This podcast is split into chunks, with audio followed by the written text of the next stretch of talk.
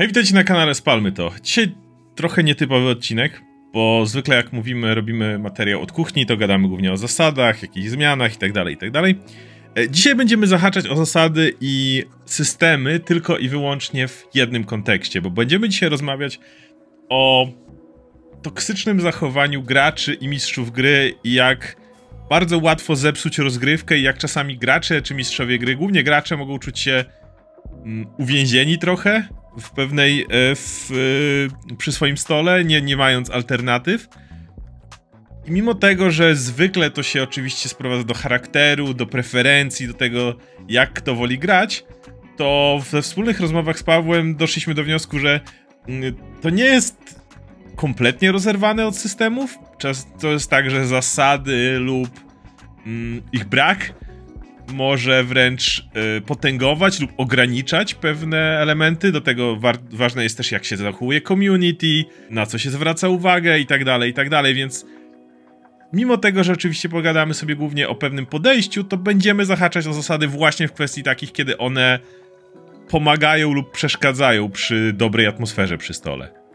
Tak, dzisiaj będzie temat. Y, generalnie zwykle nie poruszamy tematów związanych z środowiskiem grania w RPG, ale mam wrażenie, że dzisiaj wyjdzie nam trochę bardziej taki temat, bo bo i, i, będzie taki wyjątkowo miękki. Myślę, że jeżeli gracie w RPG, to nawet jeżeli nie gracie w systemy, o których my mówiliśmy, czyli e, ani w Pathfindera, ani wcześniej w piątej edycji i tak dalej, gracie w coś zupełnie innego, to pewnie zauważyliście pewne z tych rzeczy również przy swoim graniu.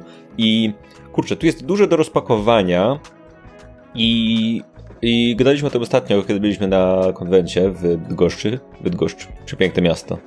E, dziękujemy za gościnę. E, I, e, I kurczę, jest dużo do rozpakowania, ale taki ogólny, jakby początek tej dyskusji wziął się z tego, że ja generalnie mam spory kontakt z osobami grającymi w RPG.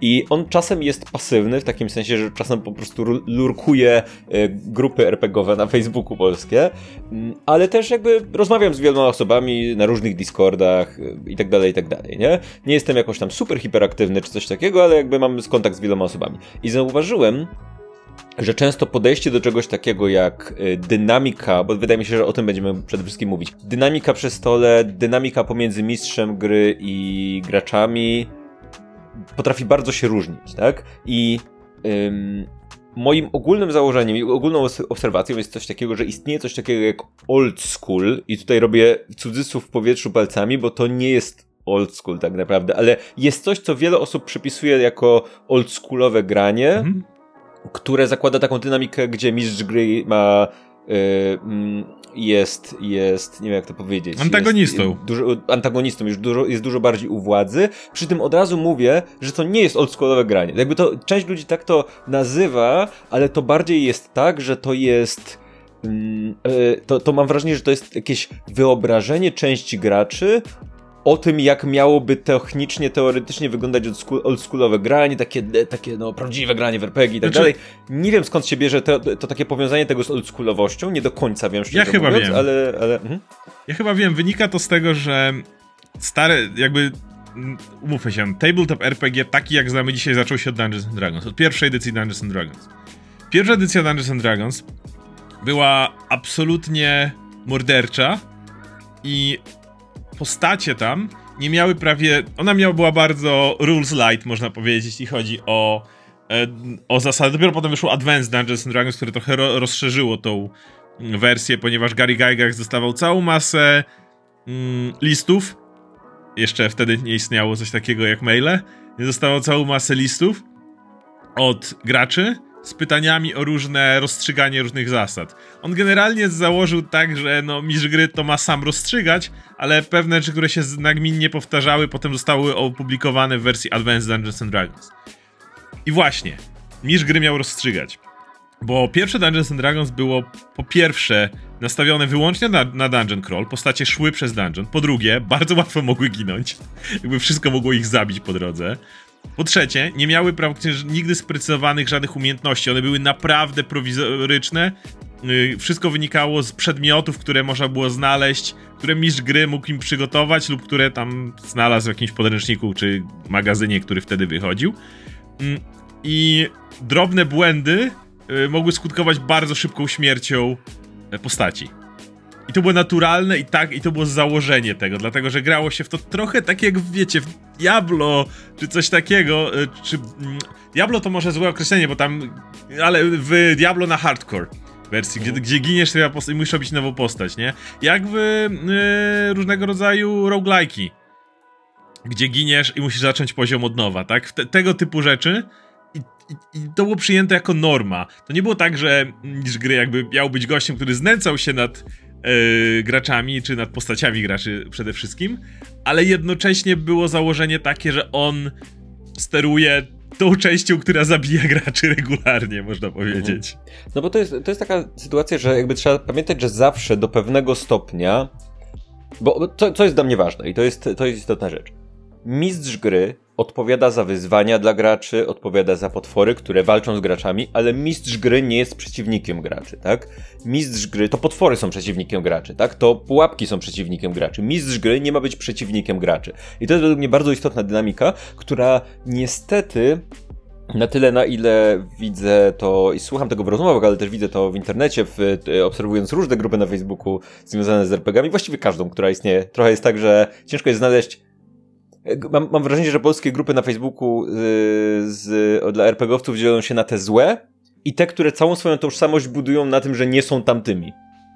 I, czyli RPG, ale dla normalnych ludzi. To jest ta druga, drugi rodzaj grup. W każdym razie mm, zauważyłem, że często następuje taka dynamika, w której mistrzowie gry mniej lub bardziej żartobliwie, ale generalnie traktują swoją drużynę jako taką bandę debili, którzy chodzą, chodzą w ogóle ślepo po tym, co oni tam zbudowali, ale nie rozumieją większego planu, podejmują głupie decyzje i tak dalej, i tak dalej, nie zauważają rzeczy, generalnie psują grę, ale i mistrz gry, i to, to jest jeszcze ta taka najbardziej light rzecz, tak? Czyli mistrz gry musi, ach, ci moi gracze, ach, ja przygotowałem coś tam, a gracze zrobili coś innego, nie?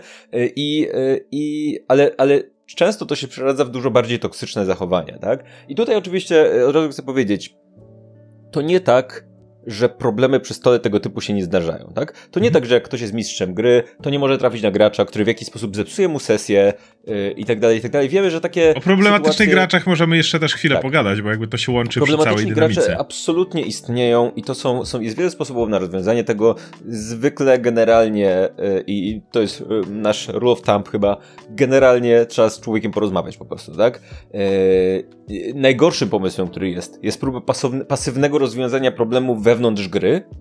I, ale to jest też coś, co w tych wszystkich rozmowach bardzo często się tak. pojawia, tak? Czyli ja, ja więcej niż raz, od więcej niż jednej osoby yy, usłyszałem historię o tym, że no tutaj mam moich graczy i ten gracz nie rozumie zasad albo chce eksploitować w jakiś sposób zasady i... Niech spróbuje. Ja, ja nie chcę na to pozwolić, ale on mówi, ale zobacz, tu jest tak napisane yy, i, a, i, i zaczyna się kłócić ze mną mistrzem gry, więc ja mówię, no dobra, pozwolę, ale potem specjalnie buduję sytuację tak, żeby jemu to, co właśnie nie, zrobił, klątwa.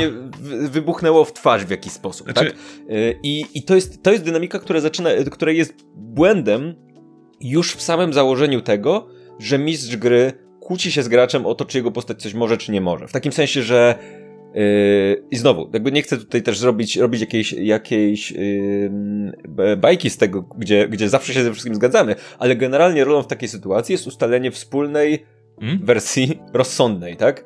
Gdzie czasem gracz musi powiedzieć, ok, ta zasada nie, nie, nie ma sensu w ten sposób faktycznie, albo czasem mistrz gry musi powiedzieć, ok, dobra, mogę ci na to pozwolić, tak? Ale generalnie musimy to ustalić najpierw, a potem grać tak, a nie a nie przenosić to, że się nie zgadzamy co do zasad na grę i potem, wiesz, gracz gra według jednych zasad, a mistrz gry go za to karze, nie? Wewnątrz gry.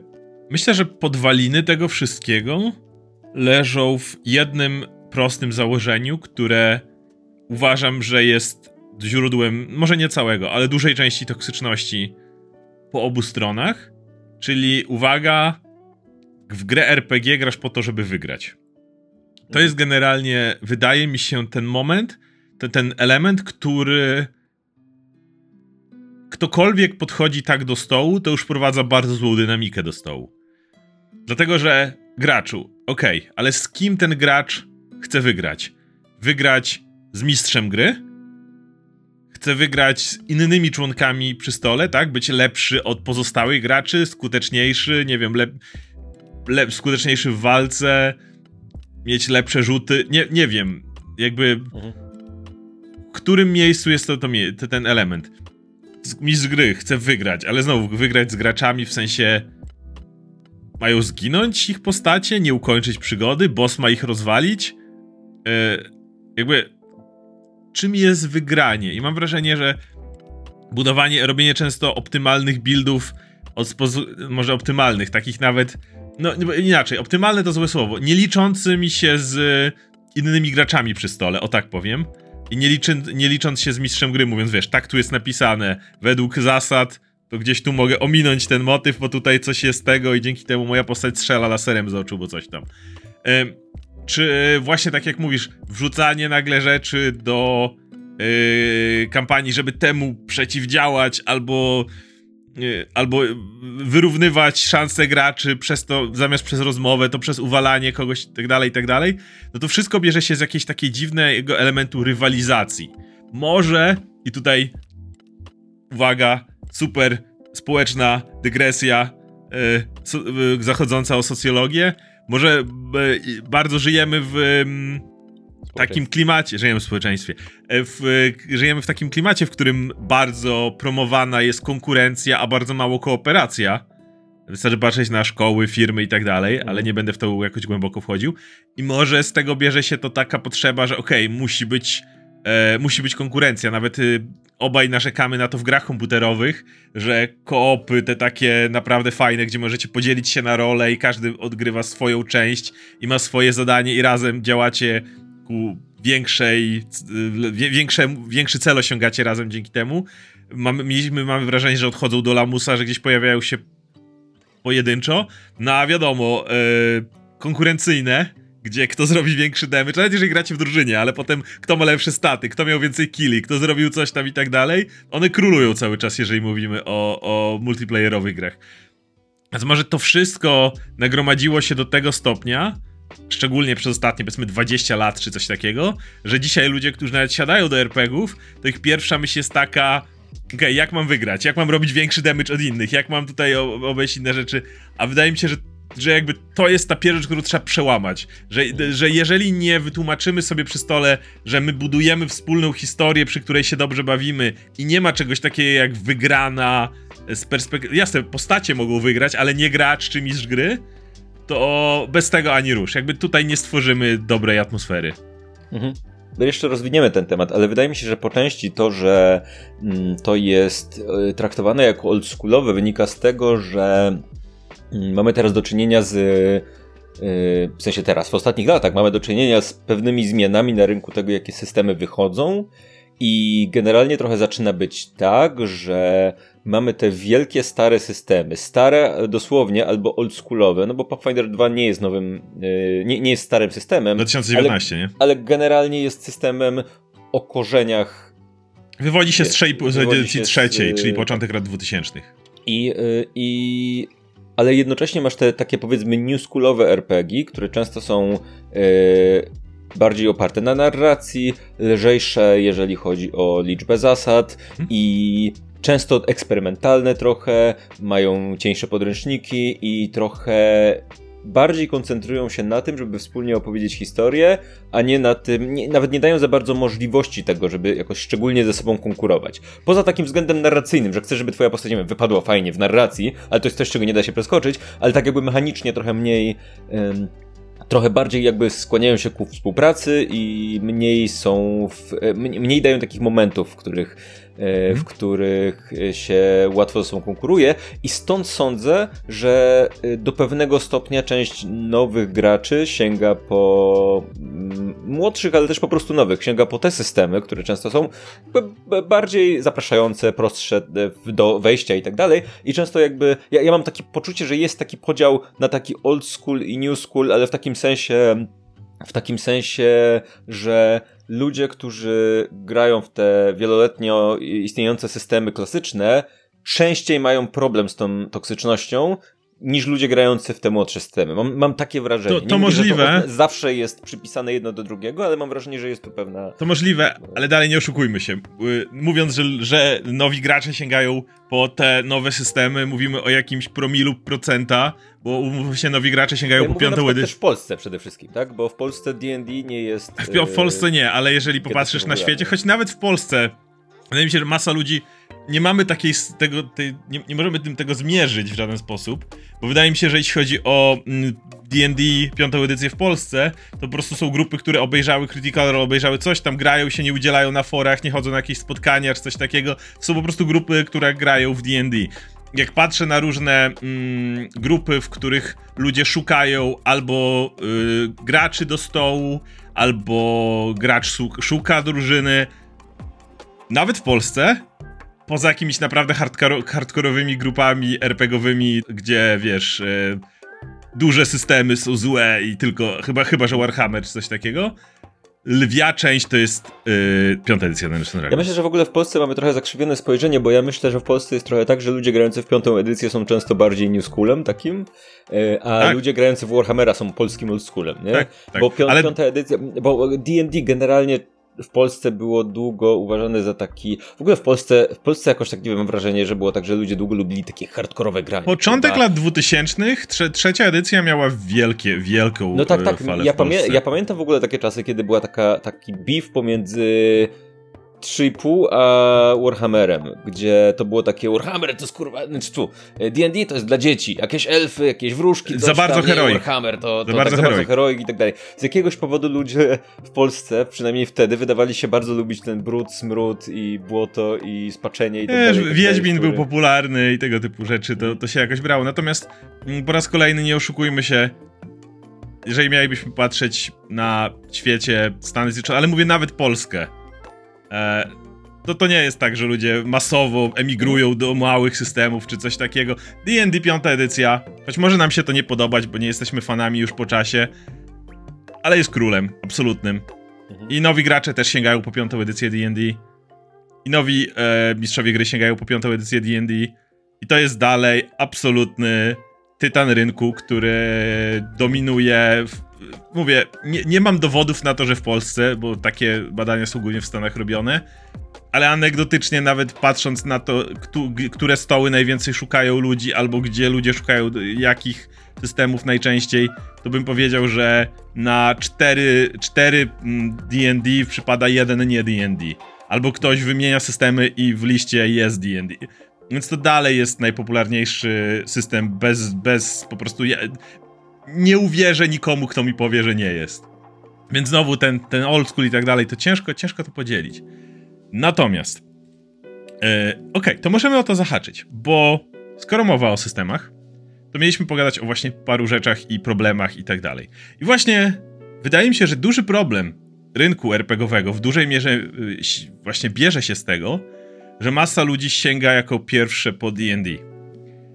A D&D według tego, co udało nam się ocenić po, nie wiem, czterech latach grania w piątą edycję, niestety, ale jest dosyć mało, bo nie powiem, że budzi toksyczne relacje, bo, bo to jest kwestia in, in, indywidualnego podejścia pod wieloma względami, ale powiedzmy, że jest mało przed nimi zabezpieczona. Mhm. Daje mało wytycznych i mało porad i mało takich mm, narzędzi do tego, żeby poradzić sobie przy stole z, z elementami, które są trudne. Je, jedną z taką najbardziej podstawowych rzeczy, o której zresztą dokładnie ją poruszaliśmy, to jest coś, o czym gadaliśmy też przy naszym materiale o GMowaniu. Jest ten taki bardzo nieprecyzyjny element zasad. Jest cała masa zasad, y, którą GM musi rozstrzygać na miejscu. Jest jak na system, który jest du duży, no umówmy się, to nie jest jednokartkowy system, jest, jest masa zasad, która, która y, GM musi w tym miejscu to rozstrzygnąć, jak to działa tu i teraz. E, ponieważ nie ma do tego większych wskazówek, GM musi nie tylko, powiedzmy, mieliśmy przykład w tej grze, e, gdzie, gra, gdzie aktorzy głosowi grali w, w Baldur's Gate 3, grali w e, RPG. Rogue opisuje, że wbiega na stół, wyskakuje z tego stołu i, i w powietrzu strzela z łuku, powiedzmy. Fajna, fajna, fajna sytuacja, jako się opisujemy, ale D&D nie przewiduje zasad, w których coś takiego miał, jakkolwiek wpłynęłoby na mechanikę walki. Mistrz gry w takim razie rozstrzyga, że jeżeli on tam rzuci na atletykę czy akrobatykę na którąś z tych tam swoich cech e, i wyrzuci arbitralny numer u, ustawiony przez mistrza gry, to będzie mógł rzucić z ułatwieniem czyli rzucić dwoma kostkami i, i, użyć większego wyniku. W przypadku Roga jest to też jeszcze istotne, bo to mu daje też atak ukradkowy. Zwiększa mu obrażenia ogólne, które zadaje. Więc Rogue wyskakuje, rzuca to, ponieważ jest akrobatyczny, ma wysoką zręczność, to prawdopodobnie mu się to udaje. Strzela i jest fajna scena, gdzie on w powietrzu naciąga strzały. Super. Ktoś myśli fajnie, bo mistrz gry może takie rzeczy tworzyć jeżeli gracie one shot i to jest wasza jedyna walka w czasie gry, to się rozejdziecie i nic się dziwnego z tego nie urodzi. Problem polega na tym, kiedy zaczynacie grać dłuższą kampanię, spotykacie się tydzień w tydzień, następnym razem Rogue mówi znowu, to ja znowu chcę wbiec i strzelić, bo nagle to, to fajna umiejętność. Mhm. A mistrz gry mówi mu tym razem... materiał, gdzie mówiliśmy tak, tak, o, o, o, naszych, o, o, podejściu do homebrew i o tym, że tak. takie dziury w zasadach sprawiają, że musisz siłą rzeczy tą zasadę wymyślić na bieżąco i teraz to jest, to jest ciekawe a propos tego, co mówisz, bo mistrz gry podrzuca jakąś interpretację na, w tym momencie mhm. swojej zasady, tak? Gracz domyślnie, zwłaszcza jeżeli jest początkujący, ale generalnie jakby dlaczego nie, uznaje ok, czyli tak to ma działać I, i, powinno działać za każdym razem, no bo potrzebujemy tego zasad, jego wspólnego języka pomiędzy graczami a mistrzem gry, na bazie którego rozumiemy swoje własne intencje, e, intencje tak? I więc następnym razem próbuje robić to samo, ale mistrz gry mówi, nie, tym razem to nie działa. Tak. Bo, bo właściwie to nie jest zasada i właściwie nie chcesz z tego zrobić zasady, bo nagle masz super potężny ruch, którego tak. zasady nie przewidziały. Co sprawia, że gracz ma takie ok, czyli teraz z, jak, ja nie znam zasad gry, w którą gram, tak? To mistrz gry y, te zasady kreuje na bieżąco, co sprawia, że dużo łatwiej stworzyć tą dynamikę, w której mistrz gry czuje się panem i po prostu okej, okay, Dokładnie. Ja powiem, I, i, dzieje, i, tu tak? pojawia się właśnie ta różnica w dynami dynamice, bo Masz z jednej strony mistrzów gry i mogę powiedzieć, że ja się tak czułem, którzy się czuli z tym cholernie niekomfortowo. Bo za każdym razem, kiedy pojawiała, pojawiały się takie sytuacje, ja to rozstrzygałem, miałem takie, okej, okay, dam to temu graczowi, on to zrobi, ale potem będę musiał mu zawsze mówić, że następnym razem tego nie może zrobić. E, może inny gracz poczuje, że e, okej, okay, on teraz e, za, całą walkę ograł, ale nie dlatego, że sam na coś wpadł, tylko dlatego, że ja mu to dałem ja się czułem z tym cholernie niekomfortowo i następnym razem muszę powiedzieć, że nie. Ale to jest jakby jedna strona, możesz się czuć z tym niekomfortowo. Ale jest drugi rodzaj mistrzów gry. Drugi rodzaj mistrzów gry to taki, który czuje się z tym cholernie komfortowo, ponieważ de facto, i jeżeli się na tym zastanowicie, co się tu tak naprawdę wydarzyło, oni kontrolują kompletnie całą grę. To nieważne na tym etapie, co robią gracze, bo ja, wielki pan świata, mogę zadecydować, że tym razem twój skok jest yy, świetny i zwiększy szanse na trafienie, ale następnym razem z moich osobistych decyzji, które, których gracz niekoniecznie jest w stanie zinterpretować i zrozumieć, już nie. Mhm. I to rodzi bardzo niebezpieczny element takiej chorej kontroli, w której gracze wydaje mi się, że mogą zacząć czuć, że ich decyzje, ich te rzeczy, ich sposób grania nie jest istotny, bo liczą się tylko i wyłącznie zachcianki mistrza gry. I, i nieważne co oni zrobią, nieważne jak się zachowają, bo on i tak będzie cały czas y, tym kierował i jak tak mówisz, nie ma tego wspólnego języka, którym mogą się do końca porozumieć i, i działać w ten sposób. Mhm. To, jest, to są takie rzeczy, które nawet w jakiś taki no bo mówiliśmy wcześniej, tak, że y, wiele zależy od charakteru konkretnych graczy, od tego, jak się ludzie dogadują przy stole i tak dalej, ale z drugiej strony często jest tak, że jest trochę jak w Arrival, nie? Język, którym się posługujemy, wpływa na nasz odbiór mhm. rzeczywistości, a w tym językiem w tym momencie są zasady. I na przykład jest to założenie, o którym wiele razy mówiliśmy w D&D, że, że generalnie walka w D&D jest zbudowana tak, że każdy robi jedną rzecz i lecimy dalej, tak? To ma się dziać bardzo szybko, każdy robi jedną rzecz. Problem polega na tym, i to też o tym mówiliśmy w innym naszym materiale, o trzech akcjach w Pathfinderze, że jeżeli masz do zrobienia jedną rzecz, to prawdopodobnie chcesz zadawać obrażenia. Mhm. Bo, bo to jest ta najważniejsza rzecz do zrobienia w trakcie walki, zadawanie obrażeń. Wszystkie inne są mniej ważne, co oznacza, że jeżeli masz zrobić jedną i jeżeli masz wybór zadanie obrażenia coś innego, to prawdopodobnie wybierzesz zadawanie obrażeń, chyba że coś innego jest konieczne. Czyli nie wiem, ktoś się przewrócił, tak? Ktoś stracił mm. przytomność, trzeba go w tym momencie ożywić, to jest ważniejsze niż zadawanie obrażeń. Ale poza tym zwykle zadawanie obrażeń jest najważniejsze, tak? Co oznacza, że gracze nie mają za bardzo w takiej dynamice, w tym, w tym systemie po prostu. Ten system nie daje im w trakcie walki momentów do współpracy, bo zwykle poświęcenie swojej akcji na pomoc komuś innemu w jakikolwiek sposób, na coś, co nie ma sensu, tak? Co, co znowu sprowadzi do tego, że Robi się konkurencja. Jak, nie, robi się konkurencja. Niezależnie jak bardzo empatyczni są ci gracze, jak bardzo się lubią i chcą ze sobą współpracować, tak w momencie, w którym masz jakby jedyne co robisz, to zadajesz obrażenia, no to wiadomo, że chcesz ich zadawać jak najwięcej. Jak ich zadajesz dużo mniej niż ktoś inny przy stole, no to czujesz się słabo. Jakby to jest zupełnie naturalne i tak by nie ma w tym niczego toksycznego w tym graczu, że jeżeli system mu mówi, hej, robicie DPS i nic innego nie robicie, mm. no, to, no to zaczynasz patrzeć, okej, okay, robię go mniej, albo robię go więcej, fajnie, albo coś tam. Ale nie? tu pojawia się kolejne ryzyko do bardzo niefajnego zachowania. E, ono szczególnie jest upierdliwe, kiedy masz weteranów z tym właśnie dziwnym, oldschoolowym takie nas nazywamy, to, to tak określimy, to nie jest właściwe określenie, ale niech będzie, czyli tym y, parciem na zwycięstwo y, i masz nowych graczy. Bo według mnie tutaj pojawia się cała masa zagrożeń. Punkt pierwszy to jest build. W, jeżeli system na to pozwala i możesz zrobić build, w którym e, ok, to ja wezmę teraz jeden poziom tej postaci, jeden poziom tego, dwa poziomy tego, Mm, ta umiejętność, która robi coś tam w połączeniu z tą. E, Dungeons Dragons niestety jest takim systemem. I nie tylko piąta edycja, ale, ale, ale ona jest teraz absolutnym królem rynku.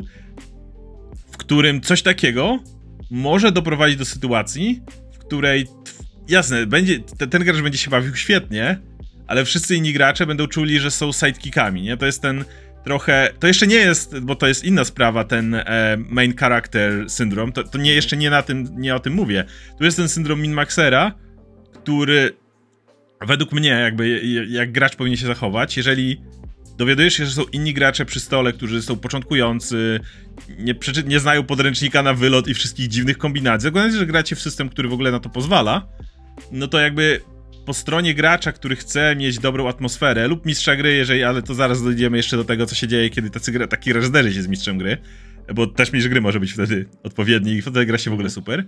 Ale na razie, że, zatrzymając się gracza, jakby jego zadaniem powinno być też to, żeby podciągnąć innych graczy, żeby jego postać nie miała spotlightu zarówno w rozmowach, w rzutach i na przykład o, jeden gracz mówi, dobra, to ja chcę zrobić to, Miżry mówi, rzuć na to, a tamten, o, i wyszło tak samo, a tamten mówi, dobra, ale ja też chcę na to rzucić, ale używam mojej umiejętności i tak dalej, to daje mi y, ułatwienie, z kolei dzięki tej J mam plus dwa, co z kolei powoduje, że ten, i tak siedzi ten gość i patrzy na niego i mówi, dobra, to ja robię dokładnie to samo, ale mam cztery razy większą szansę, że mi się to uda. Co ty na to? Bo tak bo, bo przeczytałem podręcznik, nie? Mhm. I tak samo jest w na przykład takich systemach jak Pathfinder, gdzie przeciwnicy mają całą masę y, słabości. I, I, weteran, który powiedzmy usiadł i przestudiował cały podręcznik potworów i wie dokładnie jakie mają słabości, wie dokładnie jak walczą i walczycie z trolem, gra początkujący gracz i tam go trzaska, a weteran już wyciąga o jeden ręku ognisty, drugim kwasowy miecz coś i napierdala tego trola i mówi, a tutaj patrzcie, jestem najlepszy, jestem najsilniejszy. Pokazuje. E, wszystkie te jakby zachowania, które, e, bo jakby zabieranie spotlightu przy e, rozmowach to jeszcze inna rzecz. Na razie trzymajmy się tylko samych numerków, żeby, żeby zawęzić temat, ale wszystkie te zachowania związane bezpośrednio z systemem, które powodują, że jeden gracz mm, dominuje kompletnie w numer, numerologii, powiedzmy, e, uważam, że są absolutnie straszne powinny być szybko, bo czasami oczywiście się może stać, wiecie, niecelowo. Może być tak, że ktoś, dwie osoby nie znały tej gry, wzięły rzeczy, bo wyglądały, że fajne, ale jeżeli po sesji dwóch widzę, że ta osoba dominuje na polu walki i reszta prawie, który nie ma co robić, to jakby rolą tego gracza, i znowu teraz przejdziemy jeszcze do mistrza gry, jest to, żeby, żeby to dziwnie zabrzmi, ale żeby robić mniej. Właśnie, żeby... wiesz co, tutaj ja mam, ja mam tutaj, e, przede wszystkim wydaje mi się, że te dwa przykłady, które podałeś są yy, z, właściwie yy, tym samym problemem, ale o trochę innym źródle, nie? Bo na przykład to, co mówisz, czyli czytanie podręcznika, gdzie... Znaczy, oczywiście każdy ma prawo przeczytać sobie podręcznik potworów czy coś tam, ale wykorzystywanie tego w ramach gry, jeżeli twoja postać nie ma prawa wiedzieć o takiej rzeczy, zwłaszcza w takim systemie jak Pathfinder, który ma wbudowany jako mechanikę system yy, wiedzy, poznawania, tak? zdobywania tak. wiedzy, poznawania przeciwników i tak dalej, i tak dalej, no to w tym momencie to jest... Yy, to jest problem z graczem, tak? który, który nie potrafi rozdzielić wiedzy swojej postaci, wykorzystuje swoją wiedzę z jego, jego postać ma wiedzę spoza y, swojego świata, tak? Bo, bo gracz przeczytał y, podręcznik, więc to jest duże nie, duże no-no, tak? Ale ja mam mieszane uczucia co do tego tematu, bo uważam, że ten drugi temat, czyli budowanie postaci, która wyszła potężnie, jest to, było, to, było, to jest coś, co zawsze mi przeszkadzało w piątej edycji i dużo mniej mi przeszkadza w Pathfinderze. Dlatego, że jest dużo bardziej zbalansowany. Części, yy, że to jest w dużej części problem systemu. Bo, tak. yy, bo ja miałem takie, powiem ci tak, jak graliśmy w piątej edycji, to ja miałem, ja, ja generalnie dużo czytałem podręcznik i yy, dla mnie na przykład łączenie klas, czy czy jakieś dobieranie fitów i tak dalej, to była, to była część zabawy, tak? Yy, zwłaszcza, że uważam, że w piątej edycji generalnie klasy im dalej, tym są mniej ciekawe i tym rzadziej dostają ciekawe rzeczy, więc wolałem zrobić sobie multiklasy, żeby dostać dwie, mhm. dwie yy, klasy na niższym levelu niż, niż wchodzić na te wysokie, gdzie tam się dostaje jakąś, o, możesz teraz raz na tydzień użyć jakiejś tam rzeczy specjalnej, o, fajnie, dzięki gro. Ale, więc to prowadziło do takiej dziwnej sytuacji, że ponieważ ja to znałem lepiej niż na przykład nasi współgracze, to zaczynałem łapać się na tym, że moja postać się na przykład robi potężniejsza od pozostałych, nie? I miałem takie poczucie, kurczę, nie chcę, żeby inni się źle, źle czuli, ale z drugiej strony nie jest też dla mnie komfortowe to, że teraz mam wybierać gorsze fity, czy tam jakieś, mam wybierać to, co mi, co mi nie pasuje i, i miałem takie poczucie, że, że gra zrzuca na mnie tak konieczność zbalansowania tej gry. Ja miałem, i, i każe mnie za to, że ją dobrze znam. I co, co jest takie. Jakby nie chcesz, żeby ludzie inni się. Chcesz, żeby gra była zbalansowana, tak? Bo to jest fajne. Chcesz, żeby gra super, drużyna współpracowała i tak dalej, żeby była to zbalansowane, ale, ale jednocześnie. Yy, jednocześnie z, nie, to, że to jest zrzucone na głowę gracza, uważam, że jest problemem gry. To, że to nie jest coś, co powinno być mm. częścią gracza. Zwłaszcza, że potem miałem takie poczucie, że, że y, ty starałeś się to zbalansować, więc wszyscy wokół dostawali magiczne miecze i magiczne y, topory i tak dalej, a ja miałem takie, okej, okay, to ja nic nie dostaję, bo i, i ja nie będę się kłócił, no bo mówię, no okej, okay, wiem, że wiem dlaczego inni dostają magiczne rzeczy, bo trzeba ich podbić do tego poziomu, który ja nawalam, bo mam, bo mam yy, te overpowered fity e, wzięte, mhm. które podręcznik mi pozwala wziąć. Po prostu przeczytałem go i wiesz, e, które zresztą zmienili w. Zmienili być może, nie wiem, ja teraz już nie wiem, co oni nie. zmienili, czego się wycofali, no. nieważne. E, więc, więc, więc u, dla mnie to było super niekomfortowe mhm. w graniu i to takie poczucie, ok, nie, nie wybieram najlepszych opcji dla swojej postaci. W pewnym momencie rozwijałem postać po prostu nie wybierając najlepszych opcji, bo nie chciałem jej przegiąć, tak? I, i dużo bardziej komfortowy jest dla mnie Pathfinder w sytuacji, w której mam poczucie, że słuchaj, w Pathfinderze to jest tak, ja, ja o ile zawsze uważam, że narracyjnie postać nie powinna być minimakserska, tak? Narracyjnie, że tak powiem, postać powinna mieć swoje wady, mhm. przywary, nie powinna wiedzieć wszystkiego i tak dalej, bo to jest ciekawsze, to, to uważam, że to, to zawsze moje wątpliwości budziło to, czy, czy jak budować postać w sensie mechanicznym, nie? I zawsze miałem takie poczucie, że nie, czy, zastanawiam się, czy jest coś złego w tym, żeby po prostu wybierać dla swojej postaci najlepsze fity, które uważasz, że powinna mieć w swoim buildzie. Bo zawsze miałem takie poczucie, okay, przecież to jest jasne, że postać, która jest e, kompetentnym wojownikiem, kompetentnym czarodziejem, będzie szkolić się w tych rzeczach, które są dla niej ważne, a nie w jakichś losowych, żeby było to jakieś, wiesz, wyrównane. E, I, i mam, mam przeczucie, że takie podejście, mam, mam poczucie, że takie podejście w piątej edycji, czyli okej, okay, robię postać tak, żeby ona po prostu miała najlepsze rzeczy dla siebie w tym momencie, w piątej edycji wywalało grę, a mam wrażenie, że w, w Pathfinderze wszyscy tak robią. Że w Pathfinderze ta gra jest zbudowana tak, że jeżeli chcesz zrobić wojownika na jedną wolną rękę, a jedną zajętą, to po prostu masz do tego fit i wybierasz to, co ci najbardziej pasuje do twojego playstylu i nie zepsujesz gry w tym momencie. No, to jest trochę sytuacja bez wyjścia, tak jak wspomniałem o tym e, niedoko niedokończonej ilości zasad, kiedy masz z jednej strony masz albo mistrza gry, który czuje się niekomfortowo, okej, okay, wtedy jeszcze nie ma tego toksycznego środowiska, powiedzmy, po prostu on się czuje niekomfortowo. Nie gra się fajnie, ale jakby nikt nikomu krzywdy nie robi i nikt nikomu nie dowala, albo mistrz gry staje się wtedy bogiem, który e, ma, pławi się w tym, że może graczom zmieniać zasady dowolnie, tak że oni nawet nie wiedzą na czym stoją i i tak ma być, no to już jest mhm. bardzo niefajne. To tu jest podobnie, dlatego że w momencie, w którym masz te rzeczy, to będziesz musiał się zawsze zastanawiać, gdzie, gdzie poszedłeś krok za daleko, jakby yy, na...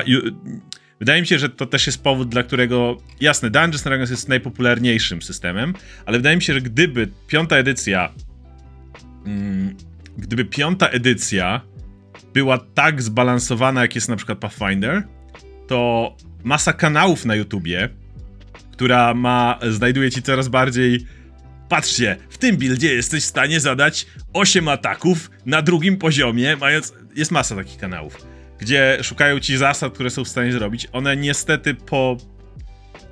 Ja rozumiem, że ludzie nagrywają i ludzi to bawi, że znajdują tego typu rzeczy. W samym odkrywaniu tego nie ma nic toksycznego. Jakby w samym odkrywaniu tego, że te zasady są tak, a nie inaczej zrobione i możesz... Tylko problem polega na tym, że to nie jest MMO, gdzie zaraz wy, wyjedzie ci ludzie i zobaczą, faktycznie znajdzie exploit, paczujemy, tylko to jest coś, co będzie się utrzymywało i problem jest taki, jak y, ktoś, kto nawet słabo zna albo raz zagrał, stwierdzi, że czuł się słabo, obejrzy parę takich filmików i przyjdzie następnym razem do stołu i mówi, to moja postać, patrz.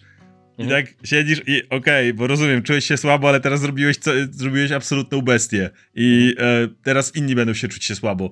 I to jest ten, ten motyw, w którym jakby nie ma dobrego rozwiązania, bo znowu, albo ktoś będzie się w tym pławił, i będzie miał takie, a znalazłem w necie taki build, że po prostu zobaczycie, co ja będę robił na sesji i wszyscy tak będą się siedzą wokół niego. No fajnie, fajnie. Zaczyna się walka, co robisz? Podbiegam i atakuję. A ty podbiegam, atakuję pierwszy raz, atakuję drugi raz, odpalam coś, żeby zaatakować trzeci raz, używam mojej bonusowej akcji, żeby zwiększyć obrażenia w każdego z ataków, który robiłem i coś tam i tak, hmm, no to fajnie się bawimy, nie? Więc mhm. albo ktoś będzie miał z tego, albo ktoś będzie się źle czuł, bo będzie rozwijał swoją postać i będzie. Roz... Ju, ju, jak już raz zobaczysz, to jest ten moment, jak wiesz. E, niewiedza jest błogosławieństwem, bo już raz zobaczyłeś te ścieżki, już raz zobaczyłeś opcje, jakie możesz robić, wtedy za każdym razem czujesz, że okej, okay, ale tego nie mogę wziąć, ale tego nie mogę. Uważam, że lepszą jest opcją cały czas to, że GM się czuje niekomfortowo, niż kiedy jest, yy, ma kompleks Boga i kiedy gracz czuje się niekomfortowo wybierając słabsze rzeczy, niż uwalając innym yy, zabawę przy stole, ale to nie jest, to nie jest toksyczne, ale, ale masz właśnie ten taki dziwny, e, dziwny bór. Toksyczne czy niekomfortowe? Mhm. I to jest sytuacja bez dobrego wyjścia tak naprawdę. To jest tak. Więcej razy niż bym chciał uczestniczyłem w rozmowach, które e, w których ja czułem się niekomfortowo, bo miałem wrażenie, że, że, że ja bym chciał po prostu iść do tych ludzi do, na sesję i z nimi porozmawiać i im powiedzieć, co wy robicie, wy, dlaczego wy trujecie ludzi, nie? Mhm. Bo bardzo często e, miałem, miałem takie coś, że wiesz, ma, jest ten, jest, wiesz, rozmawiam nawet całkiem niedawno z, z znajomym, który mówi mi tak, i to, to jakby nawet, nawet nie potrafię powiedzieć, że to jest toksyczne, ale po prostu to jest coś, czym się głęboko nie zgadzam, bo on mówi tak, ja mówię, no słuchaj, y, ten słynny przykład, który już podawaliśmy wiele razy, czyli że D&D nie ma mechaniki do straszenia ludzi w walce, tak? Nie możesz po prostu na kogoś krzyknąć, nie, y, nie ma zasad do tego, tak? I ja to podaję zawsze jako przykład, bo w każdym systemie są jakieś skrajne przykłady zrobienia czegoś naprawdę dziwnego, którego, których e, system nie przewiduje, nie przewiduje. ale, ale przestraszenie kogoś w walce wydaje się być bardzo taką oczywistą. No chociaż rozchwianie tak? go powiedzmy na chwilę, tak? tak, tak w jakiś sposób, nie wiem, krzyknięcie, zagrożenie komuś, powiedzenie, zaraz ci oberwę głowę, wyrwę głowę, czy coś tam. Jakby wydaje się być taką dość jakby rzeczą, którą wypadałoby rozważyć, nie? E, I, e, i jakby ja mówię, mówię mu ten przykład, no i on mówi, no tak, no to ja wtedy wymyślę, że nie wiem, coś tam rzuć, ja wymyślę, co się dzieje, nie? I mówię, no dobra, no ale ten gracz wtedy uzna, że że to jest zasada, bo jest na przykład początkujący i będzie to robił za każdym razem, więc nagle stworzyłeś Jeszcze go wtrącę i, i, może pasuje mu to, wreszcie gracz ucieszy, jestem wielkim barbarzyńcą, mhm. ej, mogę coś takiego robić, super, pasuje mi to idealnie do mojej postaci, chcę to robić teraz, nie? Mhm. E, no i następnym razem mistrz gry powie, no dobra, ale to teraz nie zadziała, nie? Mówię, no i, no i zobacz, no i masz gracza, który nie wie yy, właściwie co jest zasadą, a co nie. A on mówi, no dobrze, to mi to pasuje, bo ja to ja jestem mistrzem gry, ja im mam... To ja, to ja, to ja jestem, jak ty... Tak jak I am the law. tak, tak, to było taka I am the law i nie było w tym, co ważne, nie było w tym niczego takiego, nie czułem, że w tym jest jakieś takie poczucie, wiesz, wyższości mhm. czy czegoś takiego, tylko jest w tym takie, no tak, no jestem mistrzem gry, no to chyba od tego jestem, nie, żeby, żeby te rzeczy robić, nie? I kurczę, mm, wydaje mi się, że na przykład to jest zachowanie, które nie które, które prowadzi do toksycznej potencjalnie atmosfery przy stole, nawet jeżeli nie ma, to nie jest tak, że mistrz gry przyszedł wkurwić graczy. Po prostu ten system mu nie dał tych zasad, więc i powiedział mu, hej, to ty decydujesz. No i, no i kurczę, no to jest, to jest myślę, że często wynika nie właśnie z jakiejś e, niesympatyczności osób przy stole, czy generalnie złych zamiarów, mm. tylko często wynika wprost z, z, systemu, nie? Chociaż równie często podejrzewam, że z tego drugiego. To jest taka miękka bardzo granica, bo bardzo często ważne są intencje. Rozmawialiśmy też często o tym, że możesz podejść do sytuacji, że GM jest alfą i omegą, wiesz, DM is always right i tak dalej i, i wszystkie te rzeczy. I to generalnie jest prawdą. Tylko pytanie brzmi, jakie są tego intencje? Czy ja mam mieć ostatnie zdanie, bo jestem mistrzem gry i tak, i tak sobie postanowiłem i mam was gdzieś? Czy ja mam ostatnie zdanie dlatego, że jestem mistrzem gry i jako jedyny znam scenariusz i mam big picture, tak? Wiem dokładnie, znam backgroundy każdej z postaci, chociaż one nie musiały się między sobą wszystkim podzielić. Wiem dokładnie, co jest w tym lochu, albo wiem, co jest w tym mieście, albo wiem, yy, kto zabił w intrydze, czy, czy cokolwiek innego. I moja decyzja jest dużo bardziej poinformowana niż decyzja gracza. Yy, ale, ale czy ja to robię właśnie dlatego, że okej, okay, yy, to ma sens, bo wiem więcej, nawet jeżeli gracz się z tym nie zgadza, oczywiście to jest kwestia zaufania przy stole i tak dalej, ale jeżeli, jeżeli wszyscy sobie ufają na ten temat, że okej, okay, ten mistrz gry podjął decyzję, ja się z nim nie do końca zgadzam, ale ufam mu, że on ma, tak mówiłem, Big Picture wie więcej, więc podejmuje decyzję, czy on podjął taką decyzję, bo jest mistrzem gry i mam go słuchać, koniec. To jest, mhm. Możemy tu wejść głęboko w temat autory, niepodważalnych autorytetów, ale, ale nie, nie, nie, nie, dzisiaj nie o tym powiedzmy, to nie jest temat mhm. RPGowy. No to jest taka, wiesz, taka sytuacja, jeżeli ja powiem, hej, bo, bo to, to nadal jest kwestia znajomości i rozumienia zasad, tak? Mhm. Jeżeli e, w Pathfinderze na przykład a propos tego straszenia, jeżeli już się trzymamy tego przykładu, jest akcja przestraszenia, ok? I jeżeli ja na przykład powiem, ok, próbuję przestraszyć tego przeciwnika, który jest człowiekiem rycerzem na przykład, a ty mi mówisz, no dobra, rzuć, ja mówię, rzucam 30, naturalna 20, coś tam, a ty mówisz mi, ok, nie, nie widzisz efektu, to ja nie zakładam, że ty w tym momencie anulowałeś zasady przestraszania. Zakładam, że czegoś nie wiem o tym przeciwniku. Tak, tak. że on jest odporny ja, ja, na to. Wiesz, że są paladyni, którzy od razu sobie obniżają strach na przykład, mm, jak w tak, nich wchodzi, tak, więc tak. on ma jakąś więc, więc aurę odwagi to, może, czy coś mo takiego. Może, mogłeś wymyślić cokolwiek, że jakby wymyślić przeciwnika, bossa, który jest po prostu odporny na strach, że ten konkretna, ta konkretna postać nie odczuwa strachu, bo jest tak. zmutowany, cokolwiek, tak? Tak. To, to jest trochę inna sytuacja i ja to, to akceptuję. Ja nie mówię, proszę, przepraszam bardzo, ale tu w moim podręczniku jest napisane, że mam rzut przeciwko jego sile woli, jak zrobić coś, żeby być przestraszony i koniec. I to jest kryt, więc powinien być przestraszony dwa, więc może sobie obniżyć o jeden, ale nie o dwa i tak dalej, i tak dalej. No, nie, nie, nie zacząłem się z tobą kłócić, bo wiem, że to jest ok, to jest coś, czego ja nie widzę, tak? Zupełnie inną sytuacją jest sytuacja, w której...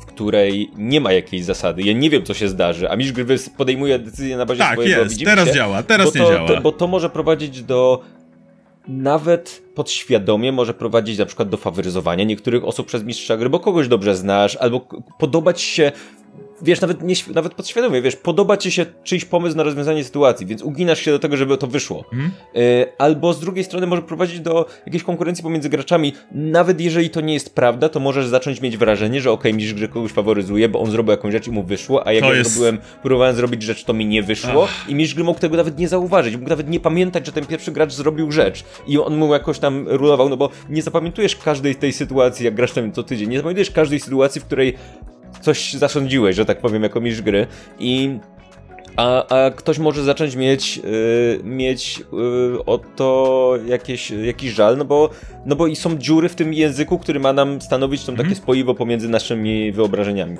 Uważam, że najzdrowsza sytuacja, szczególnie w systemach, w których postacie mają buildy, rozwijają się, jest cała masa umiejętności i tak dalej, D20 systemy, ale też Warhammer czy Vampir, yy, Cthulhu poniekąd.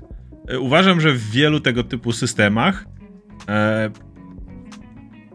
naj, najbardziej, przynajmniej dla mnie, komfortowa sytuacja jest wtedy, kiedy mistrz gry, jeśli chodzi o zasady, rozstrzyga jak najmniej. Tak jak mówisz, mogę, mogłem stworzyć sobie potworka, który był odporny na strach i go wam postawiłem na drodze. Jakby wszystko w porządku, on tu jest i, i działa i wy wtedy rozumiecie, że okej, okay, z tym gościem jest coś nie tak, jest odporny na strach kompletnie. Mhm. Ale jednocześnie, y, ja o tym mówiłem przy przejściu z Dungeons Dragons na Pathfindera właśnie, y, Pathfinder miał znacznie więcej doprecyzowanych zasad, co ze mnie zdjęło brzemię podejmowania całej masy decyzji i uważam, że to robi znacznie zdrowszą atmosferę przy stole. E, moment, w którym y, jakby też wtedy jest dużo zdrowiej budować wspólną historię, bo wtedy ten element antagonistyczny, do, z którym niektórzy gracze jeszcze mogą podejść ze względu na to, jak się gra w gry komputerowe i chcesz pokonać, pokonać przeciwności gry, tam nie ma mistrza gry, chcesz rozwalić grę, tak? Yy, więc wiele osób może mieć to nastawienie, natomiast w momencie, w którym jasne się staje, że, mistrz, że w walce jasne, mistrz dalej musiał podjąć jak ten potwór się zachował, ale użył tylko tych umiejętności, których miał tutaj dostępne, tak? Które miał gdzieś tutaj wypisane, które były, były gotowe.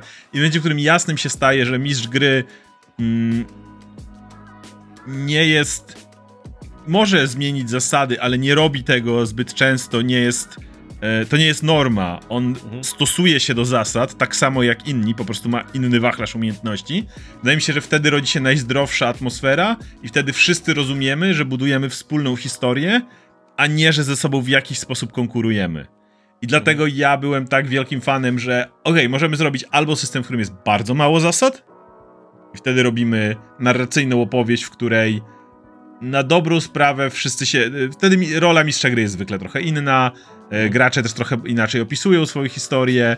E, bardziej liczymy na to, jaka jest intryga, a nie na to, czy przeciwnik był silniejszy, czy był słabszy. Do tego rzeczy się inaczej opisuje. Albo jestem, albo jeżeli nie gramy w taką wersję, to ja jestem fanem w drugą stronę, czyli doprecyzowania całej masy zasad. Nawet jak czegoś nie pamiętam, to mogę w podręczniku szybko sprawdzić. Po raz kolejny po to, żeby Okej, okay, gracze, jesteście w wodzie. E, żeby walczyć, tu musicie rzucać na pływanie. Ile musimy rzucać? Cyk, y, podpowiedź, dobra, to jest y, woda z bardzo niewielkim nurtem, bla bla bla, stopień trudności powiedzmy 15. Okej, okay. stopień trudności 15, każdy gracz to rozumie, każdy wie, że mniej więcej takie są zasady co do tego. Y, oczywiście mogę powiedzieć, słuchajcie, ale jeszcze pękła tama i teraz odpady pływają, jakieś, nie wiem, rzeczy, które przepływają, utrudniają wam pływanie, więc, nie wiem, zwiększam to z jakiegoś powodu, ale to jest, wydaje mi się, że, że nawet ten opis tego, dlaczego to zwiększam, jest jasny i gracze też to rozumieją, mm. Że mm, nie ma te, tego takiego dziwnego wrażenia, że ktoś kogoś faworyzuje, coś jest nie tak. I to też jest istotne.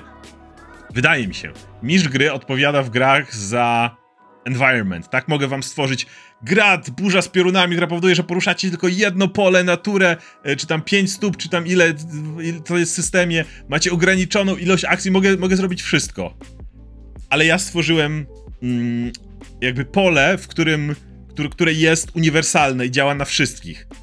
Może któryś z graczy ma umiejętność, która ignoruje warunki pogodowe, czy coś takiego super, to on ma. Ale to on ma w karcie postaci, to jest coś, co wiemy, że posiada. Gorzej jest, kiedy ja wchodzę w wasze kompetencje, czyli to coś, o czym wspomnieliście, czyli ty chcesz coś zrobić i to ja rozstrzygam, co, co ty robisz tak naprawdę, jak to działa.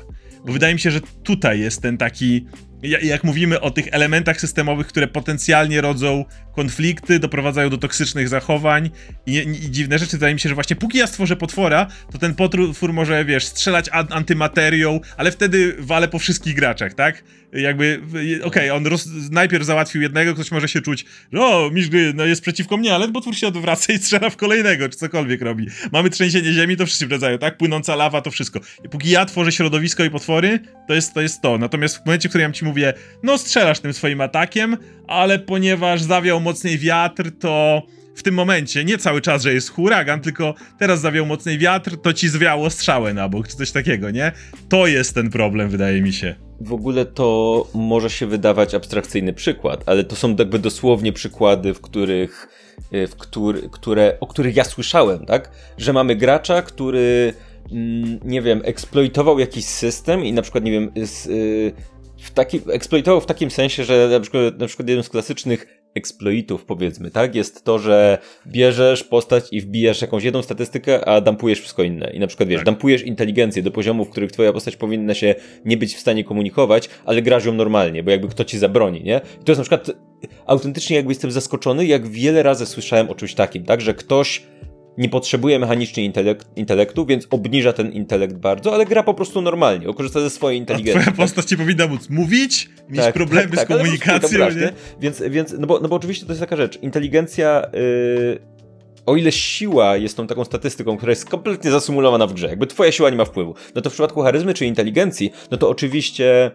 ym, twoja własna jako gracza wpływa na to, jaką ma postać. Hmm. I o ile w przypadku charyzmy to jest, to może być tylko upierdliwe, w takim sensie, że wiesz, po, gracz jest bardzo charyzmatyczny, gra postacią z charyzmą 2, ale sobie, ale od, odgrywa to normalnie, to znaczy, że jest kiepskim graczem przede wszystkim, jakby nie powinien, nie powinien się tak grać, tak? Ale jakby potem i tak rzuci słabo, więc to się robi dziwne, ale wiesz, ale z drugiej strony inteligencja, no powinna sprawić, że ta postać nie będzie wyciągać pewnych wniosków, tak? Nie będzie zauważyć pewnych rzeczy i Ale, ale tam nie ma rzutów. Tak, nie ma, nie ma rzutów, tak? O ile, o ile to nie jest faktycznie wiedzowa rzecz, to często, wiesz, no i, e, no i, e, więc mamy na przykład mistrza gry, który postanawia go konkretnie za to ukarać, tak? Stworzyć sytuację, w której w tej jego w, te, w, te, w w momencie, w którym używa tego swojego wybustowanego skilla, nie wiem, tej zręczności do zrobienia kradzieży czegoś, to nagle prze, akurat konkretnie przed nim pojawia się coś, co wymaga intelektu, żeby ukarać tego gracza. I jakby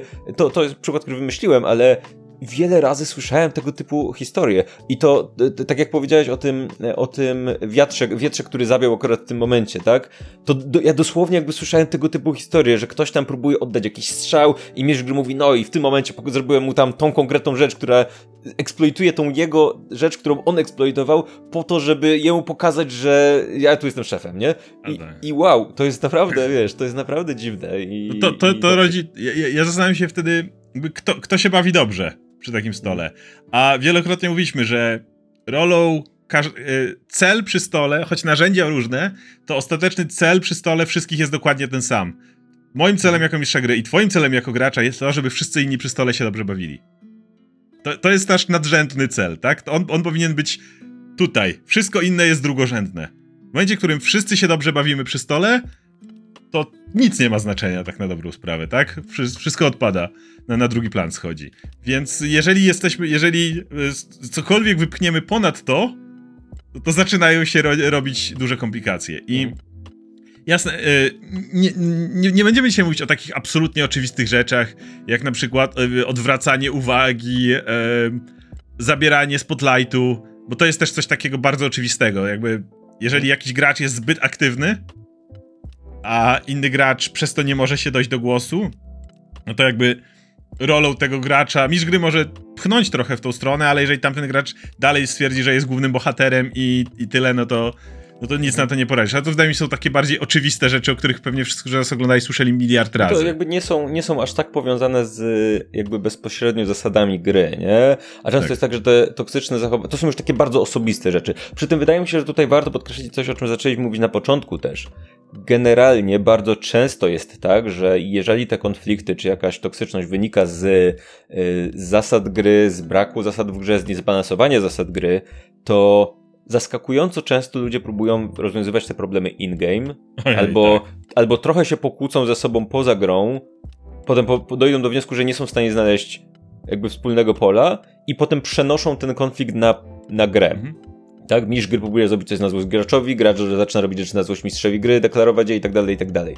I to jest rzecz, która potrafi bardzo szybko się yy, bardzo szybko się rozpędzić, że tak powiem, tak? Bo wystarczy, że się zacznie to robić, i za chwilę masz sytuację, w której wiesz, której to, to eskaluje, ale eskaluje wewnątrz gry, tak? Mhm. A bardzo często, bardzo często yy, łatwo je, i byłem tutaj znowu świadkiem więcej niż raz czegoś takiego, również przy grze prywatnie i tak dalej, że zaskakująco nietrudno jest przenieść swoje frustracje jako gracza na swoją postać i odgrywać je jako postać i dochodzimy do takiej dziwnej sytuacji, w której gracz czy mistrz gry patrzy i mówi tak okay, ja wiem, że to jest problem gracza, ale nie mogę mu o tym powiedzieć, bo on to odgrywa jako postać, mhm.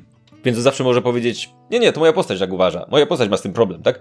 Moja postać się z tym kłóci. E, kiedyś, e, to myślę, że to było na tyle dawno, że mogę o tym wspomnieć, miałem kiedyś taką, taką sytuację, w której grałem z dwójką znajomych, którzy byli parą i oni generalnie, generalnie e, jedna z tych osób to była, to była jednej z tych osób, jakby pierwsze zetknięcie z RPG i ona ewidentnie się czuła jakby trochę zażenowana tym, że gra w RPG, że udajemy kogoś i tak dalej, i tak dalej, e, co budziło frustrację tej drugiej osoby. I ona, inaczej, ta, ta osoba to, e, to jakby ogrywała takim, takim żartowaniem cały czas i takim, wiesz, takim, no, sprowadzaniem tego trochę do żartu, żeby trochę z tego spuścić powietrze.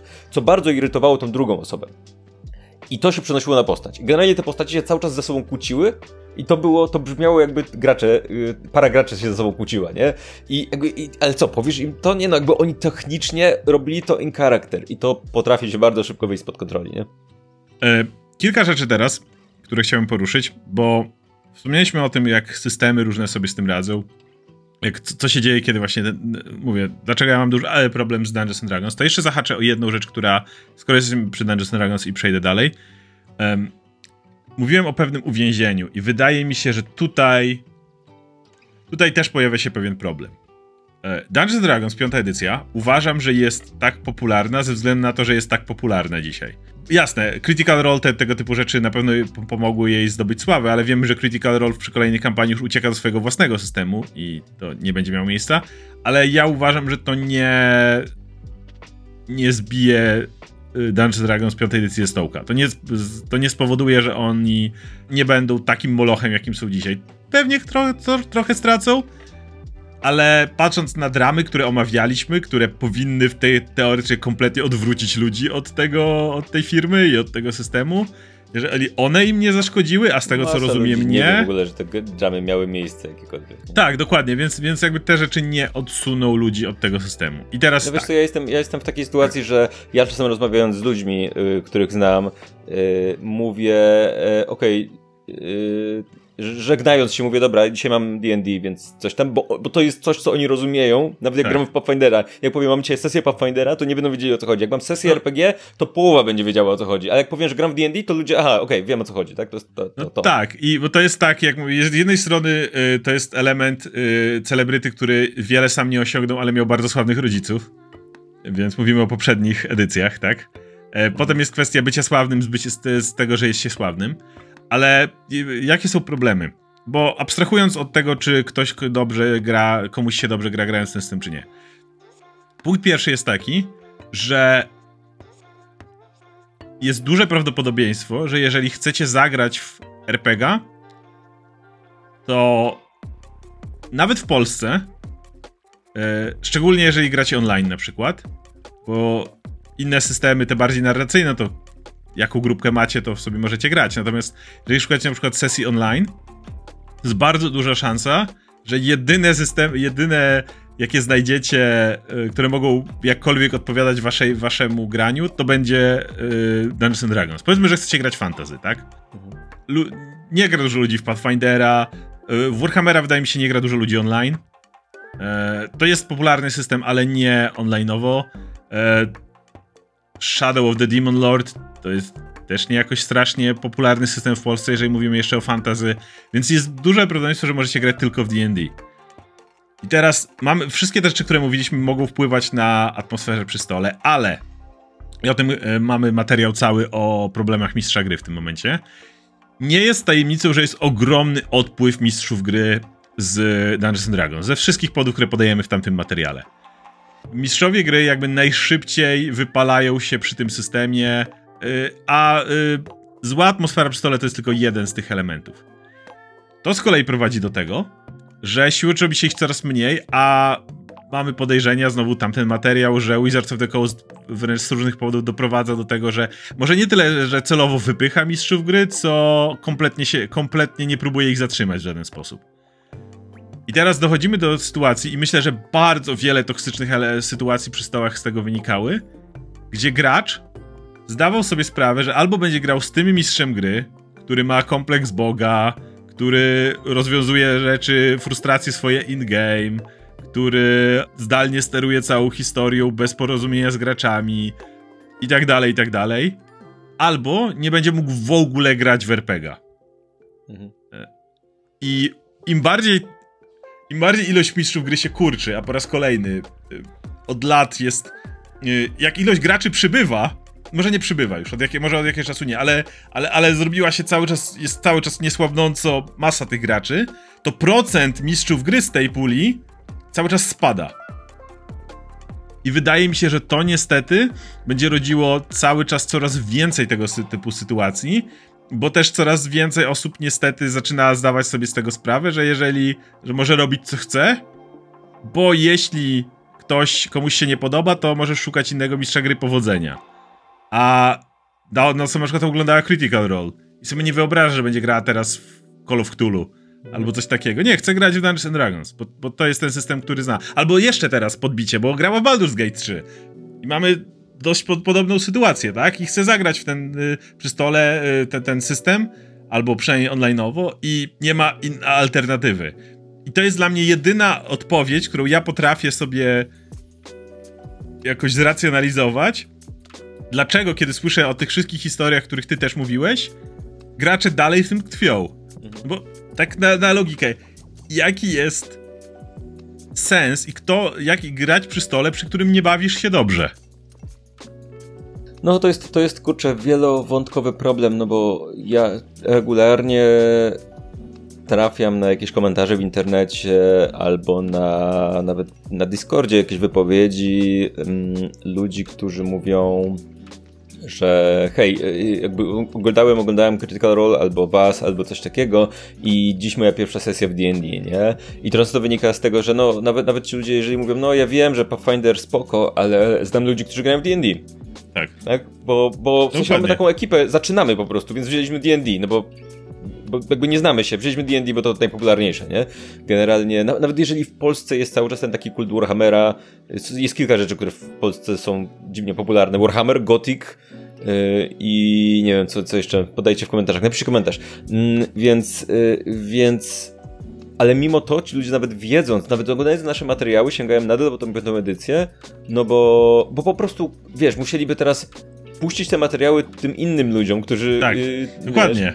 E, I, I to jest takie trochę zapętlające się, nie? A, no, a potem znowu jak już przeczytasz, bo to nie, bo D&D dalej piątece nie jest małym systemem, ale jak już ją przeczytasz, to też masz takie, okej, okay, przeczytałem to, Poświęciłem zajęło mi to czas. sporo czasu jednak, żeby to wszystko ogarnąć i teraz mam, i, i jeden z powodów, dla których my tak przez długi czas, na, nam, i, i my to mówimy z autopsji, powód, dla którego ja kiedyś, kiedy, kiedyś grałem w Warhammera, w Vampira, w trzecią edycję i tak dalej, Natomiast teraz jak wróciliśmy, to wróciliśmy do grania D&D, tak samo.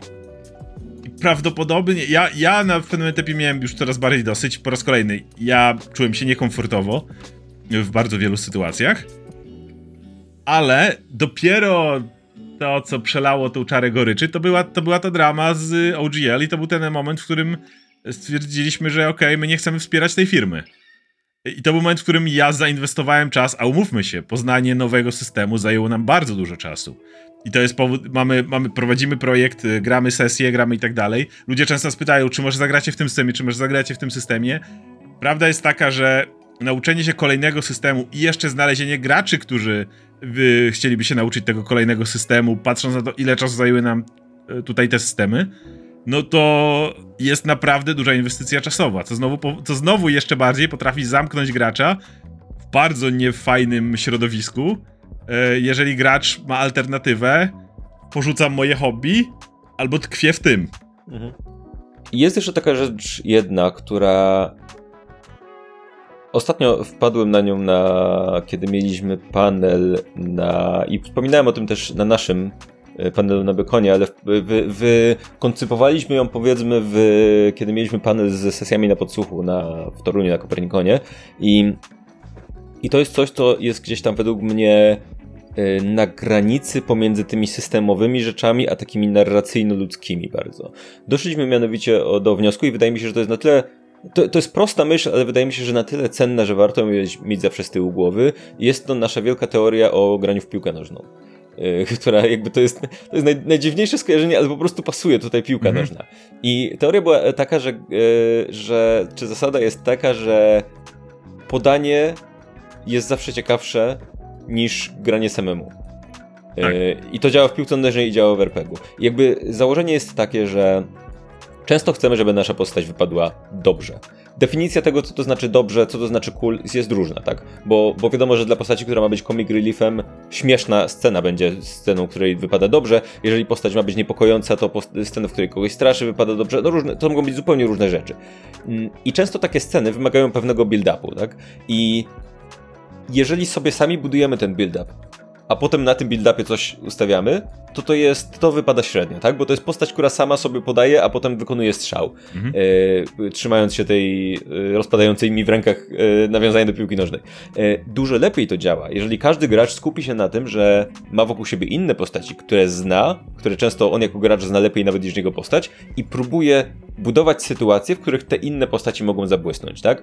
Sytuacja się kompletnie wyrównuje, bo jeżeli każdy to robi, to każdy dostaje mniej więcej tyle samo sytuacji, w których może zabłysnąć, a a, takie sceny wypadają dużo bardziej naturalnie, b, tworzą związki w drużynie, tworzą jakieś spojewo w drużynie, które zaczyna budować te sceny razem, a nie konkurować ze sobą, kto sobie zbuduje bardziej cool sytuację, w której cool wypadnie. I to mogą być małe sytuacje, to mogą być duże sytuacje, to może być to, jak postaci przedstawiają siebie nawzajem, jak o sobie mm. mówią do innych postaci, to mogą być y, sceny w walce, gdzie sobie w jakiś sposób pomagają. I to, tak jak mówię, to jest częściowo czysto narracyjne, bo można robić czysto narracyjnie, ale też częściowo jest systemowe. I to jest coś, o czym też wiele razy mówiliśmy przy okazji Pathfindera, że tak jak mówiliśmy dopiero co, że w piątej edycji mamy jedną rzecz do zrobienia, więc generalnie fokusujemy się na sobie, to ponieważ w Pathfinderze mamy trzy akcje, które możemy wykorzystać na różne sposoby, a kolejne ataki mają coraz mniej sensu, no to mhm.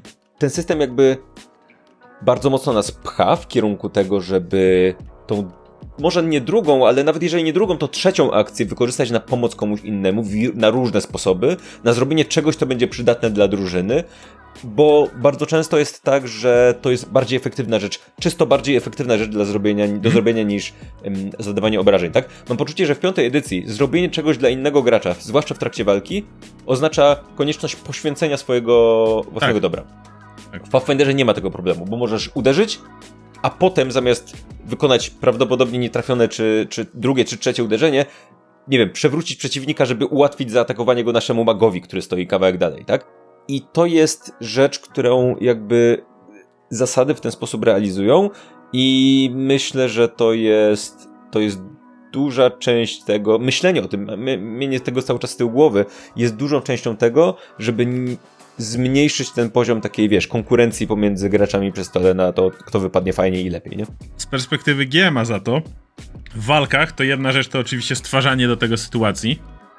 E, w momencie, w którym e, twoim przeciwnikiem robisz tylko jedną rzecz, akurat potwory są tak napisane, że możesz robić naprawdę ciekawe rzeczy i tam jakby nie trzeba wiele kombinować, ale w narracji też chcesz zbudować fajnego NPC'a. Możesz być tym e, mistrzem gry, który, mówię, ja uważam i wiem, wielu osób, wiem, że niektórzy się nie zgadzają i mają z tego fan, ale ja nie potrafię. Eee, to jest GMPC, czyli dołączasz do drużyny postacią, która towarzyszy drużynie i też ma swoje umiejętności i normalnie jest graczem krótkich, na kró ludzie czasami, o, że dołączył ten, nam pomagał, było fajnie. A ja pytam, okej, okay, a ile trwało? No dwie sesje, okej. Okay. Ja nie o tym mówię kompletnie.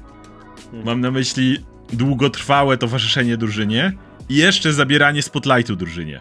To jest jakby naj, najbardziej, mogę powiedzieć, toksyczna rzecz, taka in-game, jaką możesz zrobić praktycznie z perspektywy GM'a.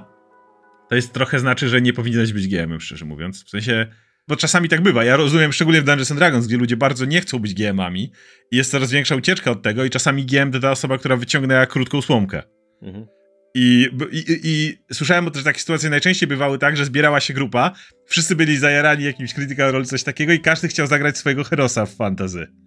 Mhm. I nikt nie chciał, ale, ale, ale, ale nie mogli, bo było ich, była ich piątka, ale nikt nie chciał być GM-em, każdy miał pomysł na swoją super postać ale chcieli grać i w końcu każdy chciał e, grać postacią i w końcu, nie wiem, wylosowali albo ktoś, no dobra, to ja już mogę, po czym, ponieważ w sumie nie chciał, tworzy sobie postać i tą postacią dołącza do drużyny.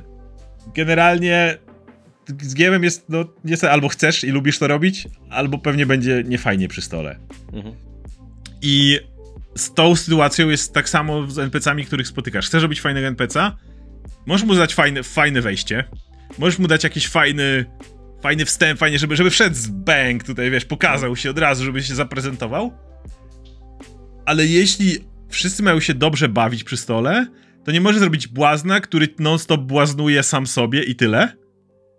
To musi być postać, która w jakiś sposób znowu w końcu poda do, do, do gracza, tak? Mhm. Czy bo razem przeanalizują jakiś, jakiś jego problem, który, w którym ten NPC będzie mógł mu pomóc i podbudujesz jego scenę.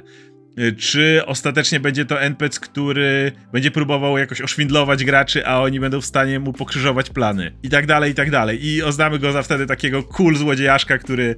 A, następnym razem. Masz cool postać wtedy, możesz ją zbudować, ale znowu nie zbudujesz jej sam. Nie jesteś w stanie, możesz opisać tą scenę, masz więcej narzędzi niż gracze, możesz opisać, że on wyskakuje, wiesz, strzelając ogniami z oczu i, i strając antymaterią i po drodze wykonując trzęsienie ziemi i robić wszystko inne. Więc możesz mu opisać wszystko, czego gracze nie mogą, ale on nie będzie cool. Nawet jeżeli to wszystko opiszesz, to, to, to nie zadziała, jeżeli on będzie nie poda. Jeżeli mhm. w końcu nie zrobisz czegoś, co to podbuduje. Mhm. I teraz jedna rzecz, którą chcę jeszcze tutaj ruszyć, to jest taki element, ja o tym mówię, takiego trochę wychowywania graczy, czy, czy wychowywania tutaj, graczy mam na myśli też GMów. Mówiliśmy o tym wielokrotnie przy grach multiplayer, przy MMO, których obaj byliśmy fanami, że jest taki moment, w którym gracze w MMO, jeśli na początku ktoś naprawdę mocno przyciśnie, w końcu zaczną się sami pilnować. Ale jeśli nie włożysz tego wysiłku na początku, żeby większość społeczeństwa była yy, odpowiednio rozumiała, co jest właściwe, a co nie, to te toksyczne zachowania w końcu zdominują ci e, społeczność. I mam wrażenie, że to się przekłada również na granie przy stole. Jeżeli jedna osoba będzie za bardzo wnosiła toksyczne środowisko, to wiele ludzi w końcu pęknie i też zacznie się w jakichś miejscach odcinać albo szukać rzeczy i się zrobi bardzo niezdrowa atmosfera. Mhm. I to sprowadza się również według mnie do tego, jak są często zasady. Nie chodzi mi o to, jak są skonstruowane, bo o tym mówiliśmy, ale jak są pisane, jak podręczniki są napisane, jak yy, różnego rodzaju guidy są tworzone. Jeżeli w Dungeons and Dragons dominuje na YouTubie na przykład motyw yy, nie uwierzysz, że w tym buildzie możesz wywalić najlepszy build do tego, to dominuje. Nie, mhm. nie ukrywajmy. To są najlepiej wyświetlające się materiały. No to to będzie kierowało również społecznością i prawdopodobnie będzie to w jakiś sposób yy, ustanawiało trendy.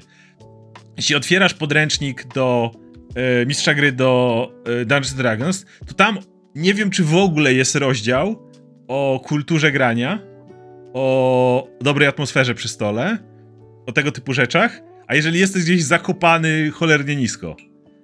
W Pathfinderze teraz jest y, remaster i oni jeszcze tam układają to dokładnie, ale tak czy inaczej, pierwszy rozdział w podręczniku mistrza gry to Running the Game, a pierwszy podrozdział to A Welcoming Environment. To jest pierwsza rzecz w podręczniku, jaką możesz przeczytać, kiedy otworzysz Environment. I właśnie zerkam sobie teraz i patrzę, jakie tutaj rzeczy są wypisane. I oczywiście tak. Y, na początku jest wstęp, co to znaczy, co jest niewłaściwe, co jest właściwe i tak dalej. I, e, i masz dosłownie wytyczne, że mm, musicie na początku znaleźć kontent, który wam nie pasuje. Jasno wyrazić te limity graczom. E, zachowuj się natychmiast, jeżeli ktoś czuje się niekomfortowo w kwestii kontentu podczas sesji, nawet jeżeli nie zostało to zbanowane w waszej dyskusji. Do tego możemy się również odnieść rozwiązuj problemy, jeżeli którykolwiek gracz celowo próbuje te granice nagiąć, albo pró- szuka dziur, próbuje renegocjować limity, albo umniejsza ludzi za to, że mają inne tolerancje co do e, kontentu, który jest. Wiesz, to masz w podręczniku gry jako pierwszą rzecz, którą misz gry, który otwiera, że ten podręcznik będzie czytał. Mhm. Dobra, przeczytam to i potem się odniesiemy. Potem jest tabelka, która mówi narzędzia do odpowiedzialnego grania. I, dwie, I, podają tutaj trzy rzeczy. Pierwsza to są, oni nazywają linie i zasłony. Linia to jest na zasadzie, tutaj, pisz, tutaj stawiamy linię, yy, na przykład tortury. Nie ruszamy tego, tak? W naszym mhm. świecie, możecie grać w średniowiecznym świecie, ale nie, nie, w, z jakiegoś powodu w tym świecie nikt nikogo nie torturuje. Mhm. Bo jest to bo to jest tak, to jest ta linia. I, i mówią, ej, ktoś mówi nie, no to trudno, albo to ustalicie, albo nie. A druga wersja to jest zasłona. W zasadzie tak, mamy tortury, ale jeśli przechodzi do tortur, to w tym momencie zrzucamy zasłonę na to. W sensie nie ma żadnej narracji, nie ma żadnego e, opisu tego, czy coś w tym rodzaju. Po prostu wiemy, że postać była torturowana. Mhm. I, i, to, I oni to nazywają zasłoną. Kolejne narzędzie to jest bardzo, wiem, że kontrowersyjny temat, ale oni to wpisali w podręcznik wprost, czyli karta X. Wiem, że dla wielu ludzi, wiele ludzi uważa, że im to rozwala imersję przy stole. Możemy zaraz jeszcze się do tego odnieść. Jeżeli ktoś chce wiedzieć o co chodzi, karta X to jest po prostu na stole leżący y, kartka z literką X, która ma polegać na tym, że jeżeli gracz czuje się niekomfortowo wchodząc w jakimś moment, to może po prostu położyć rękę na tej karcie, jakby da dać znać bez mówienia, bez przerywania sytuacji, bez tak właśnie rozbijania imersji czy coś takiego, że to jest niekomfortowe i jeżeli się umówiliśmy, że te narzędzie leży na stole, to zadaniem graczy i mistrza gry jest natychmiast urwanie tematu, nawet jeżeli się da w płynny sposób i skręcenie w inną stronę. Możesz to zrobić dosłownie mistrzem gry jako po tych zażartych negocjacjach e, znajdujecie się w barze, wiesz, pach w tym momencie, nie? I, i, i nie ma rozmowy. E, no i oczywiście rzeczy, których tutaj bardzo sugerują, żeby unikać. Na przykład rozlew krwi, rany, a nawet strata kończyn może być opisywane, jednakże nadmierne opisy gore i e, okrucieństwa powinny być unikane. Romantyczne czy seksualne związki mogą wydarzać się w grze, ale gracze powinni unikać bycia nadmiernie sugestywnymi. Kwestie seksu powinny być zawsze off-screen, Inaczej jest to bardzo niekomfortowe, e, może być to wręcz niewłaściwe przy nieznajomych.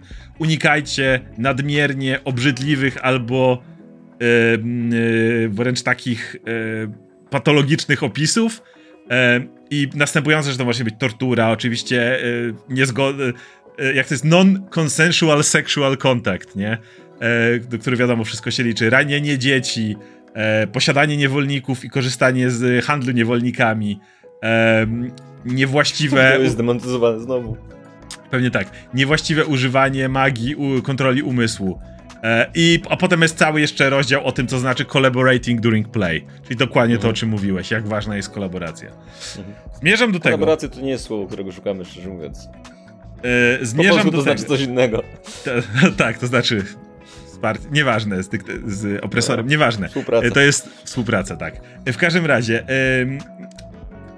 zmierzam do tego, że w momencie, w którym masz kawa na ławę, to jest pierwszy, pierwsza rzecz, jaką dostajesz w podręczniku, to rozumiesz, że twórcom tego systemu zależy na tym, na takim podejściu. W momencie, w którym to jest gdzieś spychane na bok, to też tego nie masz. W momencie, w którym większość zasad ma zasada i dopisek GM może ustalić coś tam, GM może ustalić coś tam, to rozumiesz, że jest zasada, a tu możesz oddać w ręce GM-a. Jeżeli tej zasady nie ma, albo nie ma tego dopisku, to gracz może się kłócić, ej, tu nie ma napisane, że GM może zmienić, ale ja jestem GM-em, ja mogę zmienić wszystko. Jasne, nie musi tego być w każdej dopisanego, to jest zrozumiałe, że GM to robi, ale jednocześnie w tych takich niejasnych rzeczach, takie proste dopisanie takiego słowa, może dać większą klarowność, więc wydaje mi się, że to jest też bardzo ważne w tym takim designie i jak wspomniałem, wychowaniu odpowiedniego yy, community graczy, społeczności, która, która będzie grała, która, dla której takie rzeczy są zrozumiałe, bo jest, mamy to takie dziwne podejście, tak mi się wydaje, że ponieważ jest to w podręczniku, to jest to zasada,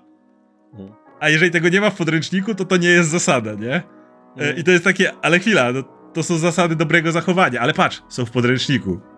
Zastanawiam się, na ile to działa y, dla. Bo to są takie miękkie zasady, nie? A często mam wrażenie, że ludzie mogą takie właśnie miększe traktować jako taką, wiesz, taki filler. Sugestie. Sugestie, nie? Ja w ogóle, to jest, to jest ciekawe, jak ludzie podchodzą do RPGów inaczej, na różne sposoby, dlatego że yy, w związku z dramą wokół OGL-a w D&D, dużo ludzi przesiadło się na Pathfindera 2 jako taką najbliższą, dużo. najbardziej przystępną, dużą yy, grę, tak? Z, no du, du, dużo jak na Pathfindera, nie tak. dużo jak na Dungeons and tak. Dragons. Yy, co sprawiło, że pojawiło się bardzo dużo różnego rodzaju poradników albo pytań i tak dalej, i tak dalej. Yy, serwisy w rodzaju tam RPG bot czy coś takiego zaczęły wrzucać buildy czy sugestie dotyczące postaci i bardzo widać, jak bardzo ludzie, jak ludzie mają, jakie ludzie mają podejście do tych, do, do grania, tak?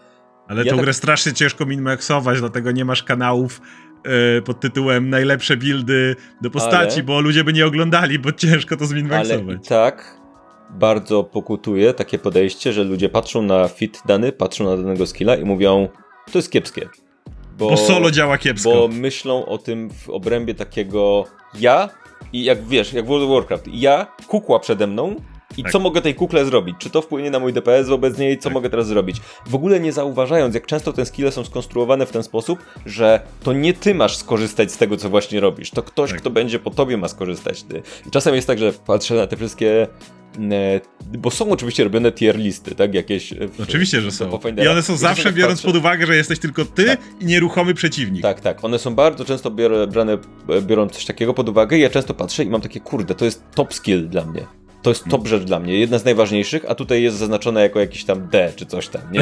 tak. I, I, że nie, kompletnie nieprzydatny, nie przydaje się, nie? I ja tak, kurde, co się dzieje? Albo, albo właśnie, właśnie przeciwnie. Są rzeczy, które są zaznaczone jako bardzo dobre, bo twoja postać tego nie potrafi, więc, y, więc to, to sprawi, że będzie trochę potrafić. A ja tak mam, okej, okay, ale ktoś, ale ktoś inny to potrafi. potrafi. Jakby nie, nie dużo lepiej, nie? Tak, dużo lepiej, więc po co ja to mam brać, tak? Więc to jest kwestia, y, kwestia dwóch rzeczy, tak? Raz, że znowu na granicy troszeczkę. Raz, że jak zasady do czegoś takiego podchodzą, a dwa, że. Mm, Dwa, że na ile gracze rozumieją, że tak to powinno działać. Oczywiście najlepiej jak to działa w tandemie. Jeżeli zasady są tak zbudowane, no to to myślę, że rozsądnie myślący gracze zorientują się, że tak to ma działać. No ale oczywiście będą pewnie osoby, które będą miały po prostu vibe taki, że chcą grać solo i myśleć o swoich własnych działaniach.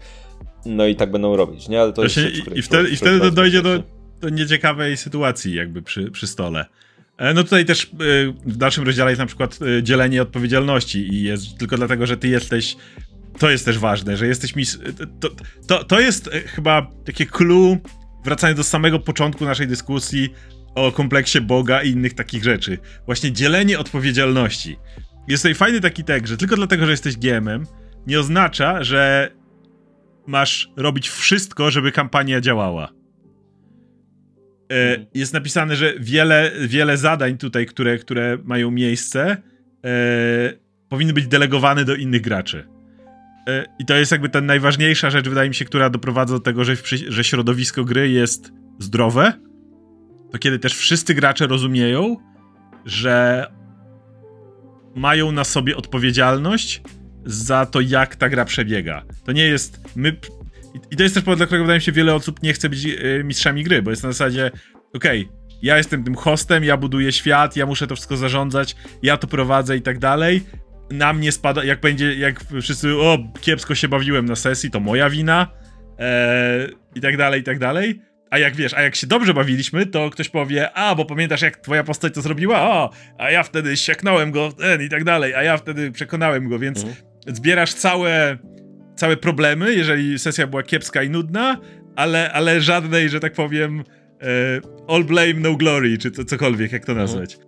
Mhm. To może znowu, tak sobie rozumuję, to może znowu prowadzić do takiego kompleksu, że okej, okay, w takim razie ja wszystko wezmę za mordę i będę to prowadził tak jak chcę, bo i tak i tak nie będę miał z tego tej przyjemności, że razem coś zrobiliśmy, ale przynajmniej będę mógł mieć to, że okej, okay, jeżeli już, jeżeli już ma spaść na mnie wina, to, to, to ma, mam mhm. trzymać wszystko krótko.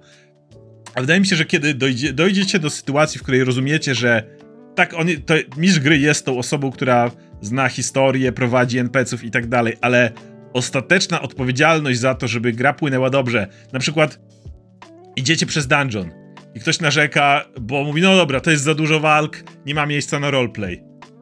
Jakby, to zacznij roleplay. Jakby, to jest część twojej też, twojej jakby odpowiedzialności. Żebyś ty się dobrze bawił, żeby inni się dobrze bawili. Ktoś inny powie, że o, słabo mi się gra, bo tamten gracz się mało udziela. No to, to częściej odbijaj piłkę do niego, tak? Zwracaj się do niego wtedy i zobacz, co on robi. Jakby jest ta cała masa rzeczy, która w momencie, w którym rozłoży tą odpowiedzialność, wydaje mi się, że to też jest takie, takie, taka, taka rzecz, że jeżeli wszyscy czujemy, że od nas zależy cały ten projekt, nazwijmy to, to wszyscy mogą się bardziej starać, żeby on wyszedł jak najlepiej, niż kiedy to jest na zasadzie takie przyjdźmy do tego GM, a panie GM zleć nam grę. Proszę mi, ja chcę tu się dobrze bawić, proszę mnie tutaj przygotować. E, jeżeli będziesz zdawał sobie sprawę, że jeżeli się źle bawiłeś, to mogła być twoja wina, w sensie rozłożona na wszystkich, no to zaczyna działać dużo, dużo lepiej. Mhm.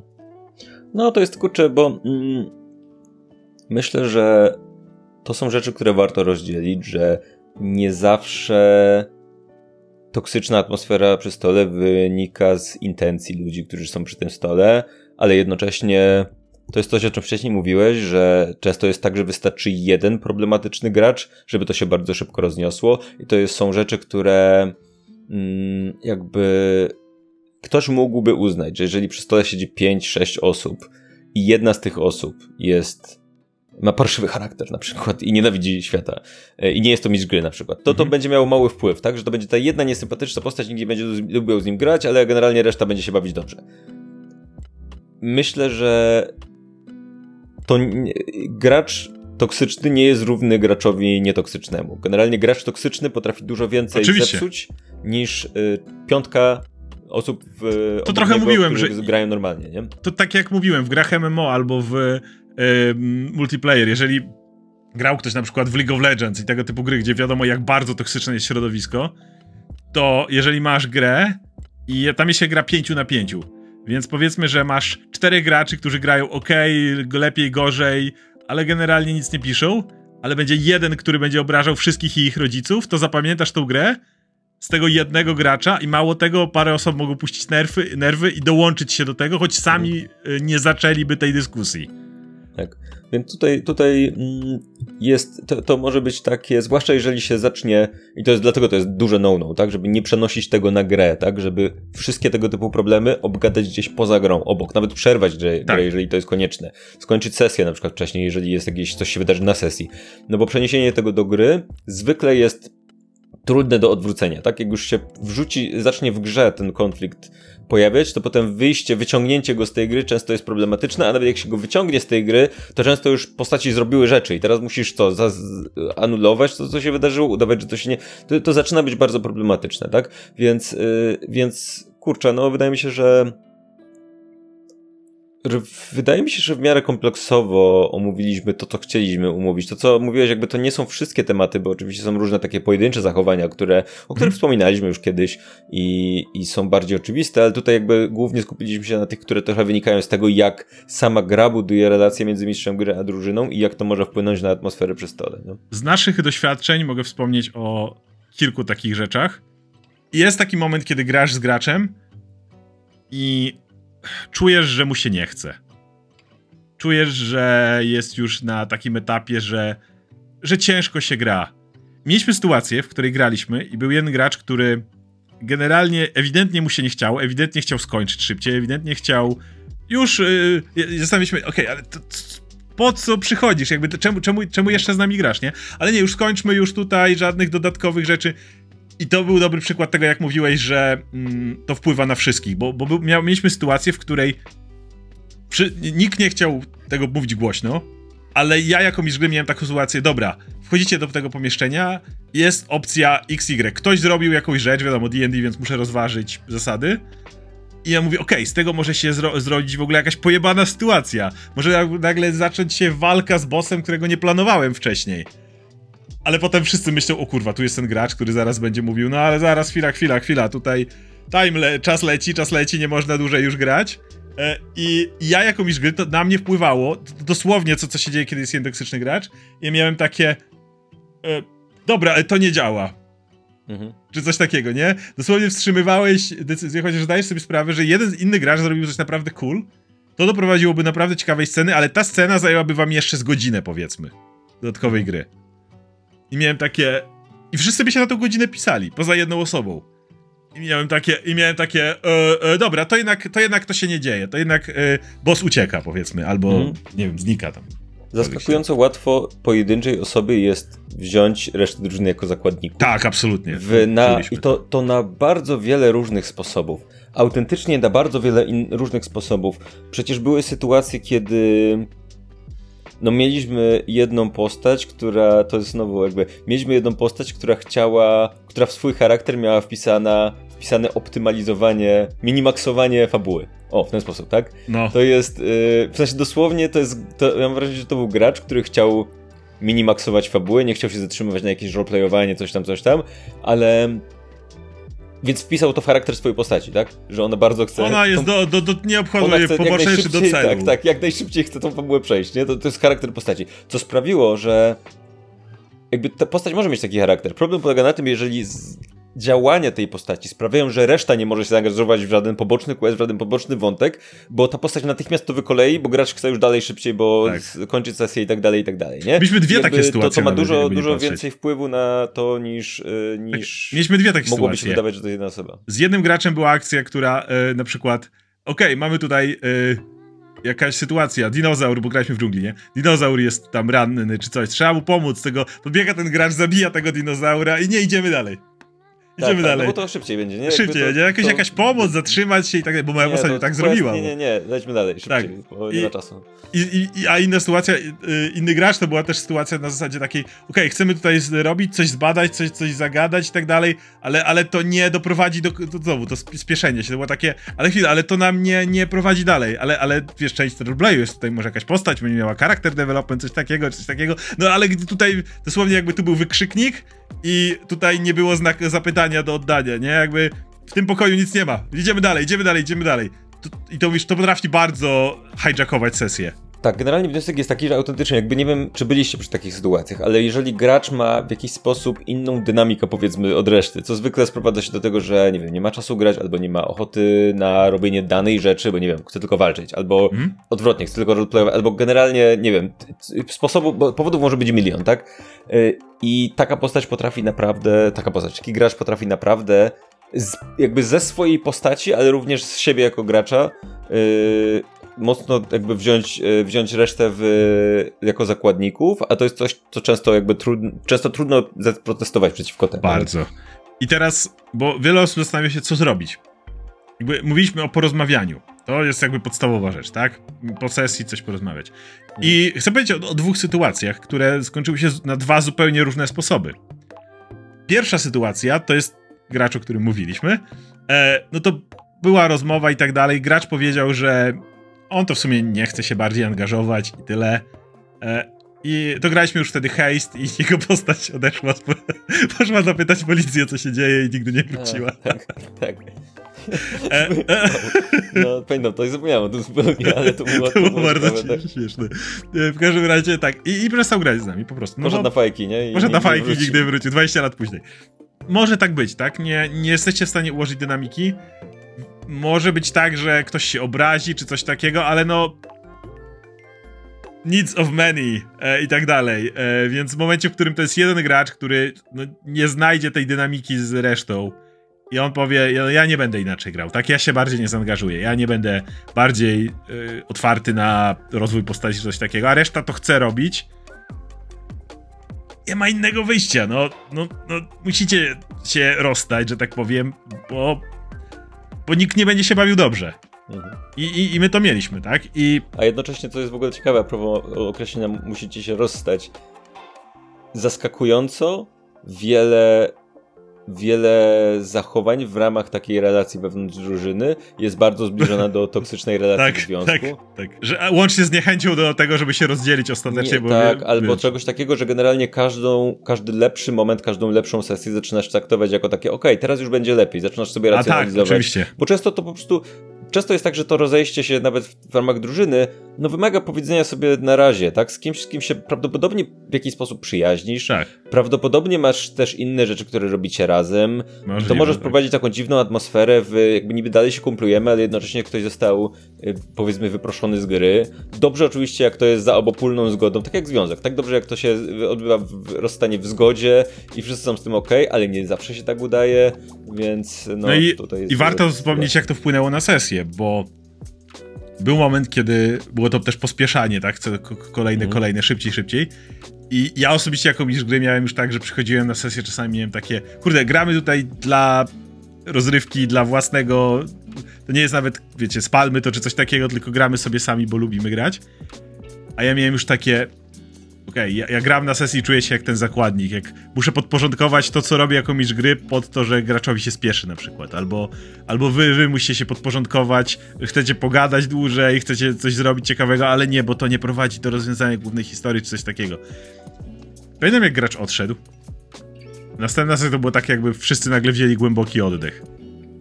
To było takie, jakby nagle wszyscy mogli grać zupełnie. zupełnie tak, jak chcą. Choć, choć była jedna osoba mniej. Ale jest inna sytuacja. Mieliśmy sytuację też w naszej prywatnej historii, w której dwójka graczy na bazie charakterologicznych ich postaci doszła do miejsca, którego nie była w stanie w grze rozwiązać. Eee, Konflikt Mieliśmy- między graczami, tak jakby nie miejsca Nie- fizycznie w grze. znaczy to był między postaciami. Mhm. Ale problem polegał na tym, że i tu mówimy o różnych triggerach, o różnych rzeczach, które trzeba ustawić wcześniej i pewnych rzeczach, które trzeba przed sesją e, e, ustalić, ale tam jest też ta rada, ok, ale w momencie, w którym e, nawet jeśli tego nie ustaliliście wcześniej, to jeżeli ktoś się czuje cholernie niekomfortowo, to powinniście to rozstrzygnąć. No, z tym, że nie wszyscy wiedzieli, kto się czuje komfortowo, a kto się nie czuje komfortowo i dlaczego. Skończyliśmy tą sesję. E, wszyscy się czuli chujowo po tej sesji. Było to coś takiego, byliśmy na skraju zakończenia wspólnego razem grania. Ale tym razem pogadaliśmy i tym razem to dokładnie w, po, doszło do nieporozumienia. Nie, I to jest bardzo ważne. Pamiętajcie, jeżeli możecie czuć niekomfortowo, to nikt nie siedzi w waszej głowie ktoś może nie rozumieć, dlaczego się czujecie niekomfortowo. Albo w ogóle nie, nie inaczej. E, to, to, co mówiłeś też z postaciami. E, odgrywasz, że to twoja postać czuje się niekomfortowo, a to ty czujesz się mhm. niekomfortowo i ktoś może nie zrozumieć, że to ty czujesz się niekomfortowo, tylko że to ta postać się tak zachowuje. I nie załapie tego. Ale może się okazać, że jak porozmawiacie, to ktoś stwierdzi okej, okay, to ja teraz nawet zmienię swoją postać w sposób, która jest trochę niezgodna z jej charakterem, ale wiecie, mamy się dobrze bawić przy stole. Więc jeśli przez to ty, nie twoja postać, się czuje niekomfortowo, to ja mogę swoją postać przebudować charakterologicznie i ona nagle będzie miała trochę niezgodne ze swoim charakterem zachowanie po to, żeby wszyscy się dobrze bawili. E, I mieliśmy to, gracz nie musiał odchodzić, żaden gracz czy coś takiego. I graliśmy jeszcze w tej dżungli, aż ja się pożygałem Dungeons and Dragons generalnie. Więc to jest taka sytuacja. Właśnie kiedy, okej, okay, tak jeszcze mówię, skrajna sytuacja opisałem, kiedy gracz musiał odejść, bo nie, nie było tam opcji porozumienia, ale z drugiej strony naprawdę pamiętajcie, że yy, to jest gra, ale jednocześnie ona może rypać po emocjach. Jeżeli ktoś ma historię z depresją, nie, nie, powie, nie podzielił się tym przy stole, bo nie chciał, bo się czuł z tym źle, e, ale potem nagle uderzają tony depresji i nagle ta postać zaczyna mieć w głowie Wietnam. Wy możecie tego nie wiedzieć, bo po raz kolejny, może ktoś nie chciał o tym mówić przed sesją, ale to są momenty, w których, okej, okay, ta osoba. Y, niestety, to jest też na, na głowie tej osoby, żeby chociaż nawet mistrzowi gry powiedzieć po cichu, ej, słuchaj, to nie jest temat, który ja tutaj. Czy moglibyśmy tego tematu nie poruszyć? Bo inaczej ten mistrz gry telepatycznie nie zrozumie o co chodzi. Ale zdziwicie się, jak często poruszenie tej kwestii może kompletnie rozwiązać problem. Bo znowu, jeżeli jest zdrowa atmosfera przy stole, jeżeli wszyscy chcą się dobrze bawić, to mistrz gry, choć wiem, że ty mi opowiadałeś sytuacje z e, różnych sytuacji, o których ty słyszałeś, kiedy mistrz gry mówił nie! W moim świecie jest mhm. przemoc, tortury i inne i na, na każdym stopniu i jak tak, to po prostu tak robimy i koniec. Słuchajcie, okay, ja, mam, ja mam, takie, takie historie ludzi, no, ja, ja słyszałem. rzeczy, że ja nawet wam nie będę mówił, bo samo opowiedzenie tego może was triggerować, nie? Ale, ale tak, no. tak, ale, ale jeśli, e, jeśli macie fajną drużynę i, i tak dalej, to pamiętajcie, że często takie rzeczy, które was triggerowały, mogły nie być celowe. Jeżeli macie po raz kolejny dobre środowisko, to jeżeli powiecie, jeżeli nie chcecie mówić na, przy całym stole, ale Powiedz do, do mistrza gry, albo do mistrza gry i ewentualnie do tego gracza, który to striggerował, tak? Nie, mu, nie muszą od razu wszyscy przy stole wszystko wiedzieć, ale do tego gracza, który na przykład e, zaczął mówić o, wspomniałem, nie wiem, jak, jakiś problem o umierającego dziecka, cokolwiek, tak jak, jak mogło być, to po prostu gdzieś tam powiedz i jest duże prawdopodobieństwo, że, że to zniknie. Y, ta, wasze, wasz komfort psychiczny, wasza gra jest ważniejsza niż to, że oj, ale ja miałem cały ważny wątek tutaj, że dziecko mhm. ginie w mistrz gry i tak dalej, no to trudno, wytniesz go. Mhm. Tak? Jeżeli, jeżeli sprawi to, to brak komfortu psychicznego, więc to jest kolejna bardzo ważna Zawsze rzecz. trzeba pamiętać o tym, że jednak mimo wszystko, yy, niezależnie ile włożymy energię w tworzenie, pisanie, wymyślanie tych postaci, no to jednak my jako gracze jesteśmy ważniejsi niż yy, postaci w takim sensie, jak tak. nie wiem, ich spójność, spójność wątków, czegoś takiego, jakby nie warto poświęcać dobra czy dobrego samopoczucia graczy na rzecz tego, żeby na przykład nie retkonować rzeczy. Autentycznie, jakby lepiej rzeczy retkonować Oczywiście. i bawić się dalej dobrze, niż za wszelką cenę pchać się w to, żeby historia była spójna i, i, i, jakby zgodnie z planem kosztem na przykład czyjegoś komfortu. Nie? Oczywiście. Jeżeli zrobiłeś postać, która jest y, ma, ma jakąś cechę. I ona jest bardzo widoczna. Ale to cecha, która bardzo triggeruje inną, innego gracza, po raz kolejny nie postać. to lepiej gdyby nagle ta cecha zniknęła i ja rozumiem, nie ma spójności, ale nie robicie filmu, nie robicie serialu. Nawet jeżeli nagrywacie na YouTube, szczęście my nie mieliśmy przykładu, gdzie musieliśmy hardkorowo retkonować, bo ktoś się źle czuł bardziej po prostu, bo nie wiem, widowni się nie podobało czy coś, ale to mniejsza o to. Ale jeżeli y, nawet na YouTube, gdy, powiem inaczej, gdyby nawet doszło do sytuacji, w, spalmy to, że macie postać, która ma jakiś element charakteru, który triggeruje innego gracza w sposób, który, przez który gra się mu niekomfortowo, to i tak bym zrobił, i tak bym nalegał i mam nadzieję, że gramy w fajnej ekipie, więc ten gracz by to zrozumiał, żeby z odcinka na odcinek nagle wyciąć mu ten fragment charakteru, który ma się nie pojawiać. Nawet pomimo tego, że widownia nagle by zauważyła, że ten, ta postać przeszła dziwne pranie mózgu, które kompletnie zmieniło jej charakter. Mhm. Powiedzmy sobie szczerze, że mamy w machinach redkony za sobą po przejściu piątej edycji i gra. Ale one i... wynikały z zmiany systemu, tak, a nie z tego, większe, że ktoś się Większe niż coś takiego i widzowie zupełnie jakby to zignorowali. Tak, Kompletnie. dokładnie. Myślę, że nawet ci, którzy nie śledzili naszej zmiany systemu, ani naszych ogłoszeń w tej kwestii, po prostu zapomnieli o tym, że, że tak. jakby to przestał być po prostu wątek i tyle. Jakby to, to nie jest aż tak ważne, jak mogłoby się wydawać, nawet jeżeli to się nagrywa. Powiem więcej. E, redkony powinny dotyczyć każdej każdego aspektu grania.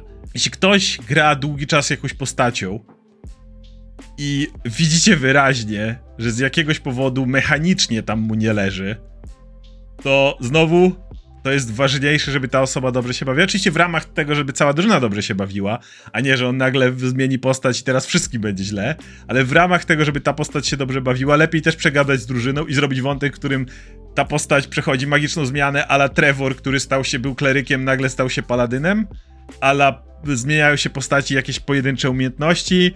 W ostateczności, jeżeli gracz się naprawdę źle bawi, to postać umiera i przychodzi e, inna postać. Ale może ktoś lubi swoją postać mm, narracyjnie, ale kompletnie nie czuje tego, jaką rolę ta postać mechanicznie pełni w grze. Wszystkie te rzeczy, ja rozumiem, że, że są systemy, które mają swoje systemy rework, e, retreno- w Pathfinderze, tak? Możesz tydzień retrenować i zmienić pojedynczy fit. Jeżeli to jest kwestia tego, że chcę jedną rzecz e, zmienić, bo wolę teraz trafiać tak, a nie tak, to spoko, to po to jest ta umiejętność. Ale jeżeli to jest kwestia komfortu grania, bo gracz kompletnie się nie odnajduje i nie ma frajdy, nie wiem, z walk czy z czegokolwiek innego, zasady są dla was, a nie wy dla zasad. Mhm. To jest to jakby najważniejsze. Okej. Okay. To mamy chyba to podsumowane. Mhm. Jeśli macie jakieś pytania w kwestii poprawiania atmosfery przy stole, yy, budowania dobrej dynamiki graczy i tak dalej, i tak dalej, to mówię, trochę przeszliśmy. Paweł zna więcej historii. Ja, ja my, my, mieliśmy przy stole na szczęście nie tak dużo problemów. Mhm. E, Paweł zna więcej historii problematycznych od, z, od osób trzecich, ale wydaje nam się, że mamy na tyle już trochę doświadczenia, że będziemy w stanie cokolwiek na ten temat powiedzieć, choć czasami niestety jedna odpowiedź może być porozmawiaj z tą osobą, a jeśli już rozmawiałeś, no to powiedzieliśmy o innym wariancie, który czasem jest nieunikniony. Tak, to jest w ogóle, y, to nie jest nawet trudne, w sensie wejdźcie na, jak, jak chcecie się pobawić, wejdźcie na jakąś grupę taką dużą RPG-ową polską, która nie ma, która nie nazywa się, wiecie, LGBT friendly, czy tam, że dziewczyny grają, czy coś takiego. Nie, taką, taką wiecie, taką oldschoolową grupę graczy, taką wiecie. Yy, I jesiennego będę, tak? I, pamiętasz, i, pamiętasz sytuację? I cokolwiek. Pamiętasz sytuację, jak był gracz, jak był mistrz gry, który zapytał, użył złego sformułowania, bo grał znowu w nieszczęsny Dungeons and Dragons i miał problem z tym, że drużyna mu ciągle spała i nie wiedział, co z tym zrobić. I zapytał, jak może ukarać drużynę za to, że ona ciągle śpi. I rozpędzał się Armageddon, bo z jednej strony wylatywali ludzie, którzy, e, ci GMI, którzy tacy, zrzuć im kamienie na głowę i wiesz, a z drugiej strony wylatywali ludzie, Kurwa, jak to... powiedz, że to nie... A z drugiej strony wylatywali ludzie, jak to, chcesz karać? Chcesz karać? Co ty masz? Co ty masz kompleks Boga karać? Wiesz, a ja, ja grając na rzeczy tak kompletnie rozumiałem jego problem.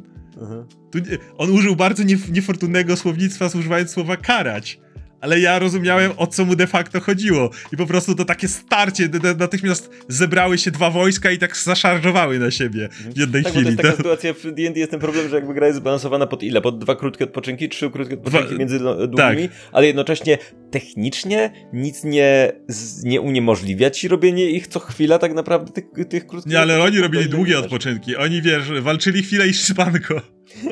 A to już w ogóle, to, to no. No właśnie, i, i rozumiem, czemu Misz Gry był trochę zagubiony, bo on nie chciał właśnie, on nie wiedział, nie, nie, nie, miał narzędzi, żeby zrobić to, powinien z nim po prostu porozmawiać, powiedzieć, ej, wiecie, że to debalansuje kompletnie rozgrywkę, czy coś takiego, ale użył niefortunnego języka i po prostu jak widziałem to starcie dwóch armii od ty debilu, jak śmiesz karać tak, graczy, w ogóle o co chodzi?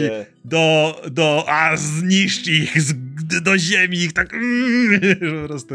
Tak, to jest, to jest jakby, te grupy są często bardzo gorące, a w ogóle podajcie, podajcie tam w jakimś wątku, um, niech padnie nikt pewnego polskiego youtubera RPGowego o ksywce na literę B, Będziesz miał ty, znowu, Aniak, z, z, znowu, znowu z kopiami ruszą po prostu dwie strony, które... wtedy, no. Jest wiele więc, takich więc, rzeczy. Właśnie no karta jeżeli... X, karta X, zapytajcie, niektórzy powiedzą, że no, e, no to jest takie jasne, że przy stole, żeby narzędzia, a inna osoba powie, Imersja! Imersja! Jak to w moim... Tak, my tutaj siadamy, żadnych tu jakich rzeczy z zewnątrz. Imersja, jak w moim świecie mają kogoś torturować, to masz nacisnąć zęby i, i, to, i tak, znieść mój opis gorę. Wieczu, tak. E, no, więc, więc generalnie jeżeli nie wierzycie w te, wszystkie rzeczy, o których mówimy, wejdźcie na dowolną dużą grupę RPGową, poszukajcie. Nawet jak się spojrzysz pod takim kątem, to nawet, nawet jak przejrzycie memy, które tam trafiają, jakby regularnie są memy pod tytułem ja i moi gracze debile, tak? Ja i moi gracze, którzy są po prostu kurwa idiotami, nie? I oni nie rozumieją tego, co ja tutaj próbuję stworzyć, więc ja, ja muszę ich jakoś ukarać albo coś tam, tak. tak? No więc to jest tego sporo, nie jest problem znalezienia tego typu rzeczy, mamy nadzieję, że przy waszych stołach jest lepiej. Jest lepiej, takich problemów nie ma, a nawet jeżeli bywają albo zdarzają się, no bo przy każdym stole się jakieś tam zdarzają, to mamy nadzieję, że nasze wideo wam pomogło w ich tak. potencjalnym rozwiązaniu. Tak. No i co, oglądajcie nasz kanał. Jasne. I dziękujemy bardzo. Trzymajcie się. Hej. Pa, pa.